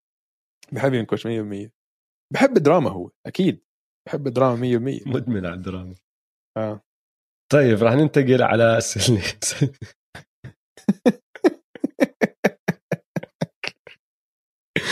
صراحة ضحكني يا زلمة إيش أحكي لك؟ اسمع كيف كيفن جارنيت هو كيفن جارنيت عشان بعديها اللي صار إنه كل الاعلام صارت تحكي عن المشجع اللي رمى عليه الأنينة. بعدين كيفن آه. بعد شوي قال لك طب ما حد حيحكي إنه كايري كيف دعس على وجه لاكي وحكاها إنه ب... عجبني إنه ما حكى دعس على اللوجو. أعطاه اسم ال mascot اسمه الأول. انه كأنه صاحبه. كيفن جارنيت. يمكن كيفن جارنيت زعل عشان اللي اللي كان عم اللي رمى المشجع اللي رمى الأنينة كان لابس jersey كيفن جارنيت. لا يمكن هو, هو حس إنه لا لا هو كيفن جارنيت طاقع لدرجة إنه أنا بتحداك مفكر هو لاكي اصحاب من أيام إنه لاكي بعز عليه. آه أظن عاش آه. أحلى أيامه هناك. فهو تضايق الله بيكون.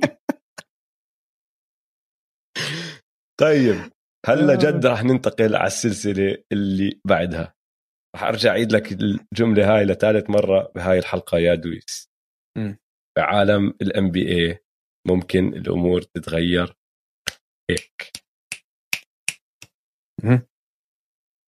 السكسرز هذا الموسم سجلهم مع جوال امبيد 39 انتصار 12 خسارة. بدون جوال امبيد 10 انتصارات و11 خسارة. السكسرز بهاي المباراة game 4 كانوا متقدمين 20 ل 12 لما انصاب جوال الامبيد طبعا جوال الامبيد طلع وما كمل المباراة خسروا. لأنه هيك بصير. هاي مشكلة. هاي مشكلة. شكوكنا أنا وياك من أول الموسم محلها. جوال امبيد آه. بنصاب دائما والشغلة الثانية إنه بن سيمنز ما بتقدر تتكل عليه بال playoffs اللي صار بهاي المباراة إشي كارثي وإشي كتير مقلق حتى لو يرجع جوال امبيد إنه أنت بوقت الحسم تقدرش تلاعب بن سيمنز يعني بهاي المباراة كان ضايل أقل من ثلاث دقائق بشوي متعادلين 108 108 أربع هجمات ورا بعض الويزردز بيعملوا ال hack-a زي hack-a-Shaq hack-a-Ben. بروح full hack-a-Ben. سيمنز. hack-a سيمنز. سيمنز جاب 50% كل مرة يروح كان يسجل واحد من اثنين واحد من اثنين وهداك يروح يسجل اثنين أو ثلاثة. ففازوا المباراة. واللي أسوأ من هيك مش إنه okay 50% كان صار له قبليها كان صار له آه، أربع مباريات مش ثلاث مباريات. قبليها كان صار له ثلاث مباريات مش حاط ولا ثلاثية. لا. قبليها كان صار له ثلاث مباريات مش حاط ولا free throw صفر من تسعة. فهاي ال 50% تحسن؟ ال free throw مش بس هيك إنه بيعرف يسدد free throws حتى على الهجوم بطل يقدر يعطوه الطابة. فصار هو بس هيك واحد عم بركض عم بيعمل screen ات عشان لو تعطيه الطابة ما بيسدد. ما بيقدر يتفو لو الفريق على السريع بيفولوه عشان بيعرف يسدد free throws ف انت لما تكون زلر أو مايلز بلاملي معنى آخر. أقول لك man وبتعرف شو اسوء شيء ببن سيمنز إنه حكيتها من قبل بس لازم أعيدها عشان صار له أربع سنين بال NBA وما تحسن ولا شعره على الهجوم تحسن على الدفاع. على الدفاع okay نعطيه حقه على الدفاع أعطينا حقه مليون مرة بس على الهجوم كون أنت صفر يمكن صار أسوأ حتى على الهجوم. والاكثر شيء بنرفز إنه ولا حتى ف... مش شكله فارقة معه. شكله لا يبالي. إنه هو بعقله إنه أنا نجم وأنا عم بع... اللي عم بعمله تمام okay. عشان هيك ما بثق فيهم واسمع 100% ما بثق فيهم. لا هذا لا round أول يعني واسمع الويزردز فريق سيء جدا ها آه. مش نص سيء. الويزردز زباله المفروض يخلصوا عليهم ال game الخامسة بس وبيقدروا يغلبوها حتى بدون جوال امبيد مفروض يقدروا يغلبوها. مفروض آه. المشكلة مش هون المشكلة بعدين. يعني شوف نرجع لموضوع جوال واصابته هو لما نزل مسك ظهره. بس بعدين لما طلع بيقولوا لك في عنده تقرح بالركبة يعني إنه أسوأ. لو إنه ضربة ظهر okay وقع توجع طلعوه عشان يديروا بالهم عليه. بس لما تكون دخلوا بالركبة على طول بتصير تخاف مع جوال امبيد لأنه عامل مليون عملية على ركبه. آه. السكسرز يعني طلعوا من المباراة بيحكوا لك لا نحن تمام. نحن لاعبين بدونه. نحن بنقدر نربح هاي السلسلة وبنقدر نفوز وبنعرف نتعامل بكل الفرق بدونه. حلو الحكي اللي بتحكوه لأنه أنتم عم تحاولوا تقنعوا حالكم بس بدون جوال امبيد الصراحه إنه هذا الفريق ما بيقدر يغلب الفرق طبعا. الصح. أكيد. هلأ وين استفادوا؟ اللي الحلو بالموضوع لإلهم إنه انت عشان هيك بتلعب بالموسم للتصنيف.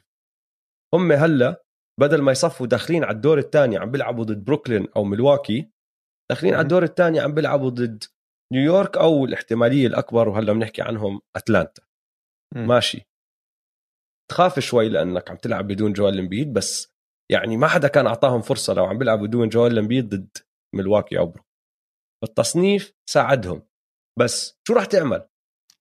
أنت هلأ مين راح تلاعب؟ دوايت هاورد؟ آه، بتقدرش تلعبه إذا عم بتلاعب بن سيمنز على الملعب. تخيل يعني أنت عم بيلعبوا ال Sixers وحاطط دوايت هاورد وبن سيمنز وماتيس تايبل تخيل. شو هاد؟ تخيل ما بتقدر ما بتقدر.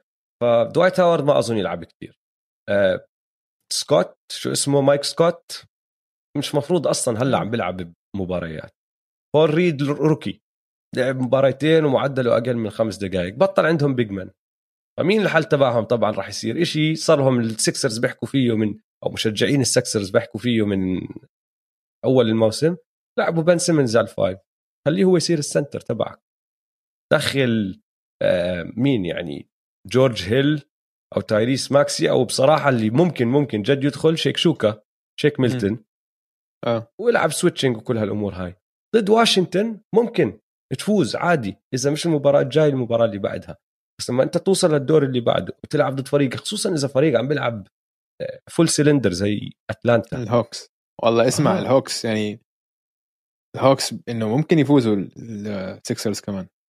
آه. فوضعهم صعب. نحن لسه ما بنعرف شو راح يصير مع جويل امبيد ما طلعت الأخبار عم بيحكوا لك day to day ممكن من هون للمباراة الجاي يحكوا لنا. أنا بتوقع لك حتى لو بيقدر يلعب المباراة الجاي ما بيلعبوه. بيريحوه مباراة بس عشان آه. يتأكدوا إنه وضعه تمام. حتى لو خسروها بكونوا لسه متقدمين 3 2 بيحكوا لك نرجعوا اللي بعد. بس للدور الثاني هاي مصيبة اذا إذا هيك صار. في إشي تاني بدك تحكيه بهاي السلسلة؟ لأنه إذا لا عندي سؤال لك كمان ما دخلوا كتير بالسلسلة. لا تفضل. طيب. أحكي عن ماتيس تايبل أوكي. ماتيس تايبل بال 2019 هو كان اختيار رقم 20 ب draft 2019 بدنا نلعب لعبة هلا. أوكي. بدي نعمل redraft سريع بدي أسألك وين بتحط ماتيس تايبل بهذا ال draft؟ عندي أوكي. القائمة وإذا بتفتح أنت على البرنامج آه اي فتحت طلع عليه حطيت لك اياها فتحت ماتيس للعلم للكل اللي عم بسمع كان الاختيار رقم 20 زي ما حكيت. طلع كل الأسامي اللي قبله يا دويس. آه. ماشي؟ واقراهم على السريع وبعدين احكي لي أنت برأيك وين بتاخده إذا بدك ترجع تعيد هذا ال draft هلأ. بس عشان دفاعه. هاي الشغلة مع ماتيس. أنت عم تختار لاعب على الهجوم صفر على الشمال بس على الدفاع هذا راح يطلع من النخبة. ممكن يطلع All NBA second team هاي السنة. عم بيلعب 20 دقيقة بالمباراة و second year player هذا زلمة راح يربح. إذا في حدا راح يربح defensive player of the year as guard بالمستقبل ممكن يكون هو. هو حيكون هو أم شوف هلا بغير كثير أشياء بال draft هلا طبعا. ما بدي تغير إشي. بدي اياك تحكي بديش تعطيني ترتيبك. آه. بدي اياك تحكي لي وين بتحط ماتيس بس بحط... الموضوع آه. ماتيس تايبل أوكي بحطه بال top 10 أكيد. 100% بال top بحطه بال top 10 ما فيها سؤال. آه. يا بحطه بال top أنا 10. أنا طلعت عليها وعندي خيارات. قل لي. أنا بالنسبة لي وقول لي أنت وين راح توافق أو تخالف الرأي. عندك آه، أربعة أو خمسة مية بالمية راح أخذهم قبلهم. زايون وجا ما في سؤال. باخذ باريت باخذ دي أندري هانتر وحتى تايلر هيرو راح أخذه. مع إنه زبل بهذا ال post season بس راح آخذ تايلر تايلر هيرو فهدول المأكدين في واحد يعني ممكن آه ممكن لا اللي هو داريوس جارلند بس بعد داريوس جارلند فيش ولا حدا تاني أنا شايفه إنه ما بتخليني أفكر. فمشان اللي عم بسمع عندك رقم ستة كان جاريت كولفر بعدين سبعة كوبي وايت بعدين ثمانية جاكسون هيز بعدين تسعة روي هاتشيمورا عشرة كام ريدش كاميرون جونسون بي جي واشنطن روميو لانغفورد سيكو دمبويا تشوما اوكيكي نيكيل ألكساندر ووكر جوجا بيتادزي ولوكا سامانشيتش. هدول الباقي اللي ما ذكرناهم بالمؤكدين آه. وداريس داريس جارلند مين فيهم تاخذ قبل أو تاخذه قبل ماتيس؟ ممكن كوبي وايت. ممكن. كوبي وايت كمان عشان سقفه أظن عالي على الهجوم هداف يعني. أم بي جي أعطانا سنه حلوة هلأ مع مع الهورنت بس لا يعني بقول لك أنا توب 10 يعني بين السبعة وبين العشرة بحط. أنا كثير مستغرب إنه هذا اللاعب هيك عم بيطلع برأيي لأنه جد ما عنده هجوم وكثير آه قليل تلاقي لاعب هجوم صفر وأنا صار رأيي فيه لهالدرجه كبير. م. فأنا كيفت على ماتيس فبس حبيت ألعب هاللعبة معك. المهم نكمل. آخر سلسلة راح نحكي فيها اليوم سلسلة نيويورك وأتلانتا. تفضل. أحسن لاعب بهاي السلسلة بفرق كبير هو تري يونغ. القفزه اللي عم بياخذها قفزة كتير حلوة. أنا مستغرب كيف النكس مش عارفين يوقفوه أو مش عارفين حتى يحدوا من خطورته. ولا حتى شوي مش قادرين. ابدا ابدا يعني. وال Hawks نحن حكينا قبل الموسم إنه ال Hawks التبديلات الصفقات اللي سووها بال off season ممتازة. بوغدانوفيتش جاليناري دول لعيبه كبار. لعبوا مباريات كبيرة ومناح يعني. عندك هانتر ممتاز. عندك جون كولينز ممتاز. كيفن هيرتر. عندك يعني الفريق من واحد لثمانية تسعة لعيبة وهدافين. وهلا مع لو ويليام صار معهم. فعندك كثير بسموهم buckets آه، عندك كثير هدافين. وانت بال play off بالأخير لازم تجيب لازم تسجل. نيويورك السبب اللي نيويورك وصلوا وصلوا لل play off انه نيويورك كانوا كل كل ليلة في الموسم يحاربوا. وهيك هذا كله بفضل ثيبس ثيبس يعني مدرب جبار وكل فريق بياخذ هوية ثيبس بيحارب كل ليلة على الملعب. خلال ال regular season فالنكس فازوا على آه، خصومهم بال regular season عشان هم بكل بساطة كانوا عم بيبذلوا جهد أعلى من الخصم. هلأ لما توصل ال playoffs كل حدا بيبذل كل حدا عم بيبذل هذا الجهد كل حدا مركز كل حدا عم بيبذل عم بيلعب بكامل قوة أو عم بيبذل أقصى جهد عم عنده إياه. بس النكس ما عندهمش هدافين. أنت جوليوس راندل طفى طفى نهائيا هاي مش بس اختناق هاي هاي مصيبة وهاي يعني دمرت قيمته بالسوق آه؟ وهاي يمكن ممكن تكون هاي بسموها blessing in disguise للنكس. عشان أنت لو إنك وكيل أعمال جوليوس راندل ورحت لمفاوضات عقدك الجديد مع النكس بعد الموسم يعني طلبت ال max. قلت لك أنا شو كان عم بيحكوا عني؟ ممكن MVP ممكن All NBA most improved player بس وصلت ال playoffs وقت الجد اختناق كامل فهلأ يمكن يقدروا يرجعوا يوقعوه لعقد أصغر بكثير بعد الموسم عشان خلص توضح إنه مستواه كثير أوطى من لا أحسن لاعب على فريق بينافس. أكيد مش أحسن لاعب. أنا بقول بأحسن الحالات آه. أنا بقول بأحسن الحالات جوليس راندل بأحسن الحالات تاني بس أنا بقول هو بيكون ثالث أحسن لاعب على فريق بده ينافس على لقب. انت علي؟ أنا مش شايفها بالضبط هيك. أنا قل. أظن هيك عم بتقلل كتير أنت من الشغل اللي عم بيعملوه أتلانتا عليه. أنا أظن السبب اللي هو نزل مستواه لهالدرجة دخلوا أكثر بشو عم بيعملوا فيه أتلانتا من هو كلاعب وكمان دخلوا بمين معه على الفريق. لأنه لو تطلع أنت هلأ صرنا لاعبين أربع مباريات أو شايفين أربع مباريات بهاي السلسلة عم بضل ينعاد نفس الشيء أتلانتا عم بيعملوا بنيويورك اللي ثيبس بالعادة بيعملوا بيعملوا بالفرق الثانية فهمت علي؟ نعم.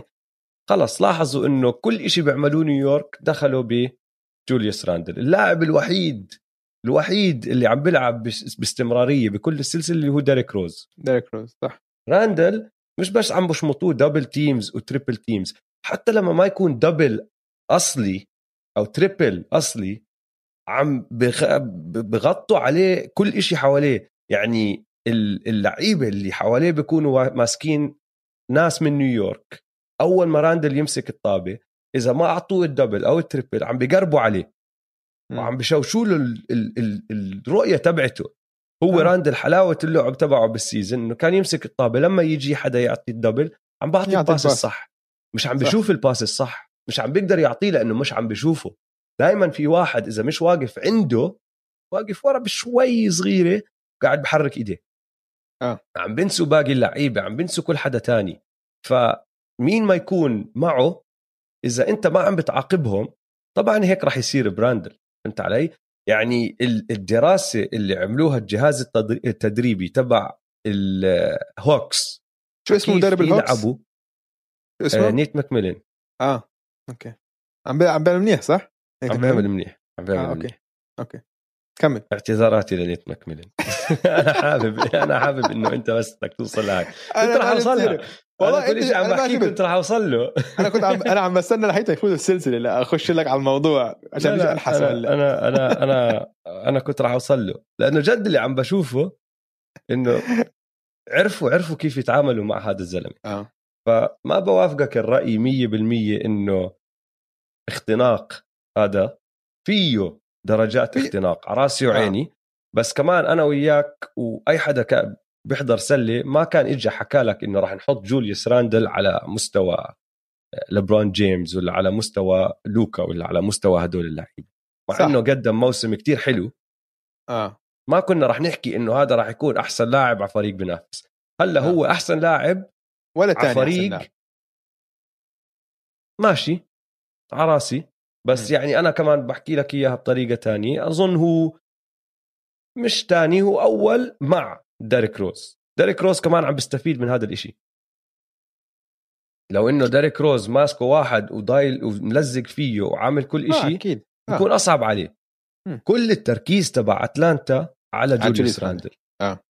فجوليوس راندل طبعا عم بيستصعب كل شيء أول مرة بيلعب بال play off هيك أول مرة بيكون كل التركيز عليه مباراة ورا مباراة. وكل مباراة بدرسوا شو عمل وبعدين بيروحوا بعدلوا عشان يظبطوا عليه أكثر فهمت علي؟ صح. فبالنسبه لإلي ماشي لو أنا هلأ وكيل أعماله وأنت إجيت قلت لي آه، ما راح أعطيك المصاري لأنه جوليوس اختنق بحكي له لا حبيبي فريقك اختنق أنت بنيت لي فريق ما بقدر جوليوس راندل يستفيد منه لأنه ما في حدا تاني يساعدني يعني نعم. حتى ديريك روز بموت فيه أنا ديريك روز بس ديريك روز ما حدا بخاف منه من برا القوس مع انه كل سنة بسنة تحسن تسديده على راسي وعيني بس مش قناص. آه فهمت علي؟ فأنا هذا اللي شايفه. يعني أنا عم بحاول أحكي لك لا تقلل من مجهود أتلانتا. وعلى راسي وعيني إذا إذا جوليوس راندل جد كان من الطراز العالي كان لقى طريقة إنه آه هي. يفك بالزبط. المشكلة. بس نحن ما بدنا نعامل جوليوس راندل ك top 10 هو ما بقرب على ال top 10 فهمت علي؟ فمشان هيك شغلة توازن شوي أنا شايف أعطي حق لأتلانتا ودفاع أتلانتا. صح. كمان صح. قلل شوي من جوليوس راندل. لا في منه. لا اللي حكيته أنت 100% صح. أتلانتا عم كفريق عم بيأدوا أداء ممتاز صراحة. على الجهتين على الهجو... على الدفاع مركزين على نقاط ضعف ال ال النكس وتاركين يعني مش تاركين ديريك روز. تعرف ديريك روز عم سدد 50% من الثلاثيات؟ بهاي آه. السلسلة. بقول لك سنة مسدد عم بت... مسدد 16 ثلاثية بس مسجل 8 فمش مسدد كثير بس إنه بالضبط ما هو مش شغله الخطة تبعت آه الخطة تبعت الهوكس إنه غطي على جوليوس راندل وخلي الباقيين يفوزوك والباقيين ما في عندك تهديف أنت كفاية. هم النكس ضايلهم ديريك روز. شوي. هلأ أنا اللي مفاجئني كثير بهاي السلسلة إنه كيف تيبس مع كل خططه الدفاعية مش قادر حدا يحد من خطورة تري يونغ أو أو من الهوكس بشكل عام. مش قادر هو تري. كل شيء بيبدأ مع تري. كل, كل شيء بيبدأ مع تري. تري. صح صح. وهاي هاي بتورجيني قديش إنه حاليا دفاع 100% مهم طبعا. بس الطريقة اللي بنلعب فيها ال NBA هلأ الهجوم له قيمة أعلى. أنت لما يكون عندك واحد إليت على الهجوم خلص أنت عندك مشكلة هلأ. يعني مثلا تري يونغ واحد من النخبة على الهجوم. وبما انه تقريبا صفر على الدفاع بس النكس مش عارفين يستغلوها كمان على الدفاع على الجهة الثانية مش عارفين إنه كيف يحطوا يستهدفوه على على الدفاع. ف غريب أنا شوي. شيء كتير كتير كتير حابب. شغلة بتري. آه. كتير. إنه؟ انسى الهجوم وكل شيء عم بيعمله الهجوم. لأول مرة بشوفه مباراة ورا مباراة هجمة ورا هجمة لما يكون واقف على الدفاع. عم بحكي لك مدافع منيح لأنه هو كتير بعيد عن إنه يكون آه. آه. مدافع منيح بس عم بحاول. عم ببذل جهد وكتير كيفت على هذا آه. الشيء تري يونغ عم بحاول يدافع إيش شو لا أنا كيفت. يعني قبل ال- السلسلة توقعت النكس يفوزوا بسبع مباريات بس بكل بساطة النكس ما عندهم هدافين وبال NBA الحالي تحتاج buckets في اخر اليوم ال- كرة السله عن مين بيقدر يحط الطابة بالسلة. وأنت ما عندك لعيبة كفاية تحط الطابه بالسلة والهوكس عندهم عندهم تري يونغ عندهم بوغدانوفيتش عندهم هيرتر عندهم كولينز عندهم كل حدا. النكس عندهم cap space وصيفيه جاي. بس في بس إنه لا موسم كتير ممتاز للنكس حتى لا، لو ما خلص ممتاع حتى لو خسروا. حتى لو خسروا بس آه حتى لو بحكي لك عندهم cap space فالله أعلم شو. حيعملوا لأنه تاريخيا لما يكون عندهم cap space خبصوا. خبصوا. السنة الماضية فاجئونا شوف شو بصير معهم هاي السنة. طيب آه، ننهي هون. خوجه ضل في شيء ثاني نحكيه؟ ننهي. قديش قديش طول الحلقة كانت؟ سبع ساعات وشوي. الدنيا ليلت. انت عندك على الشاشة الشمس غابت. بلشنا مع الظهر.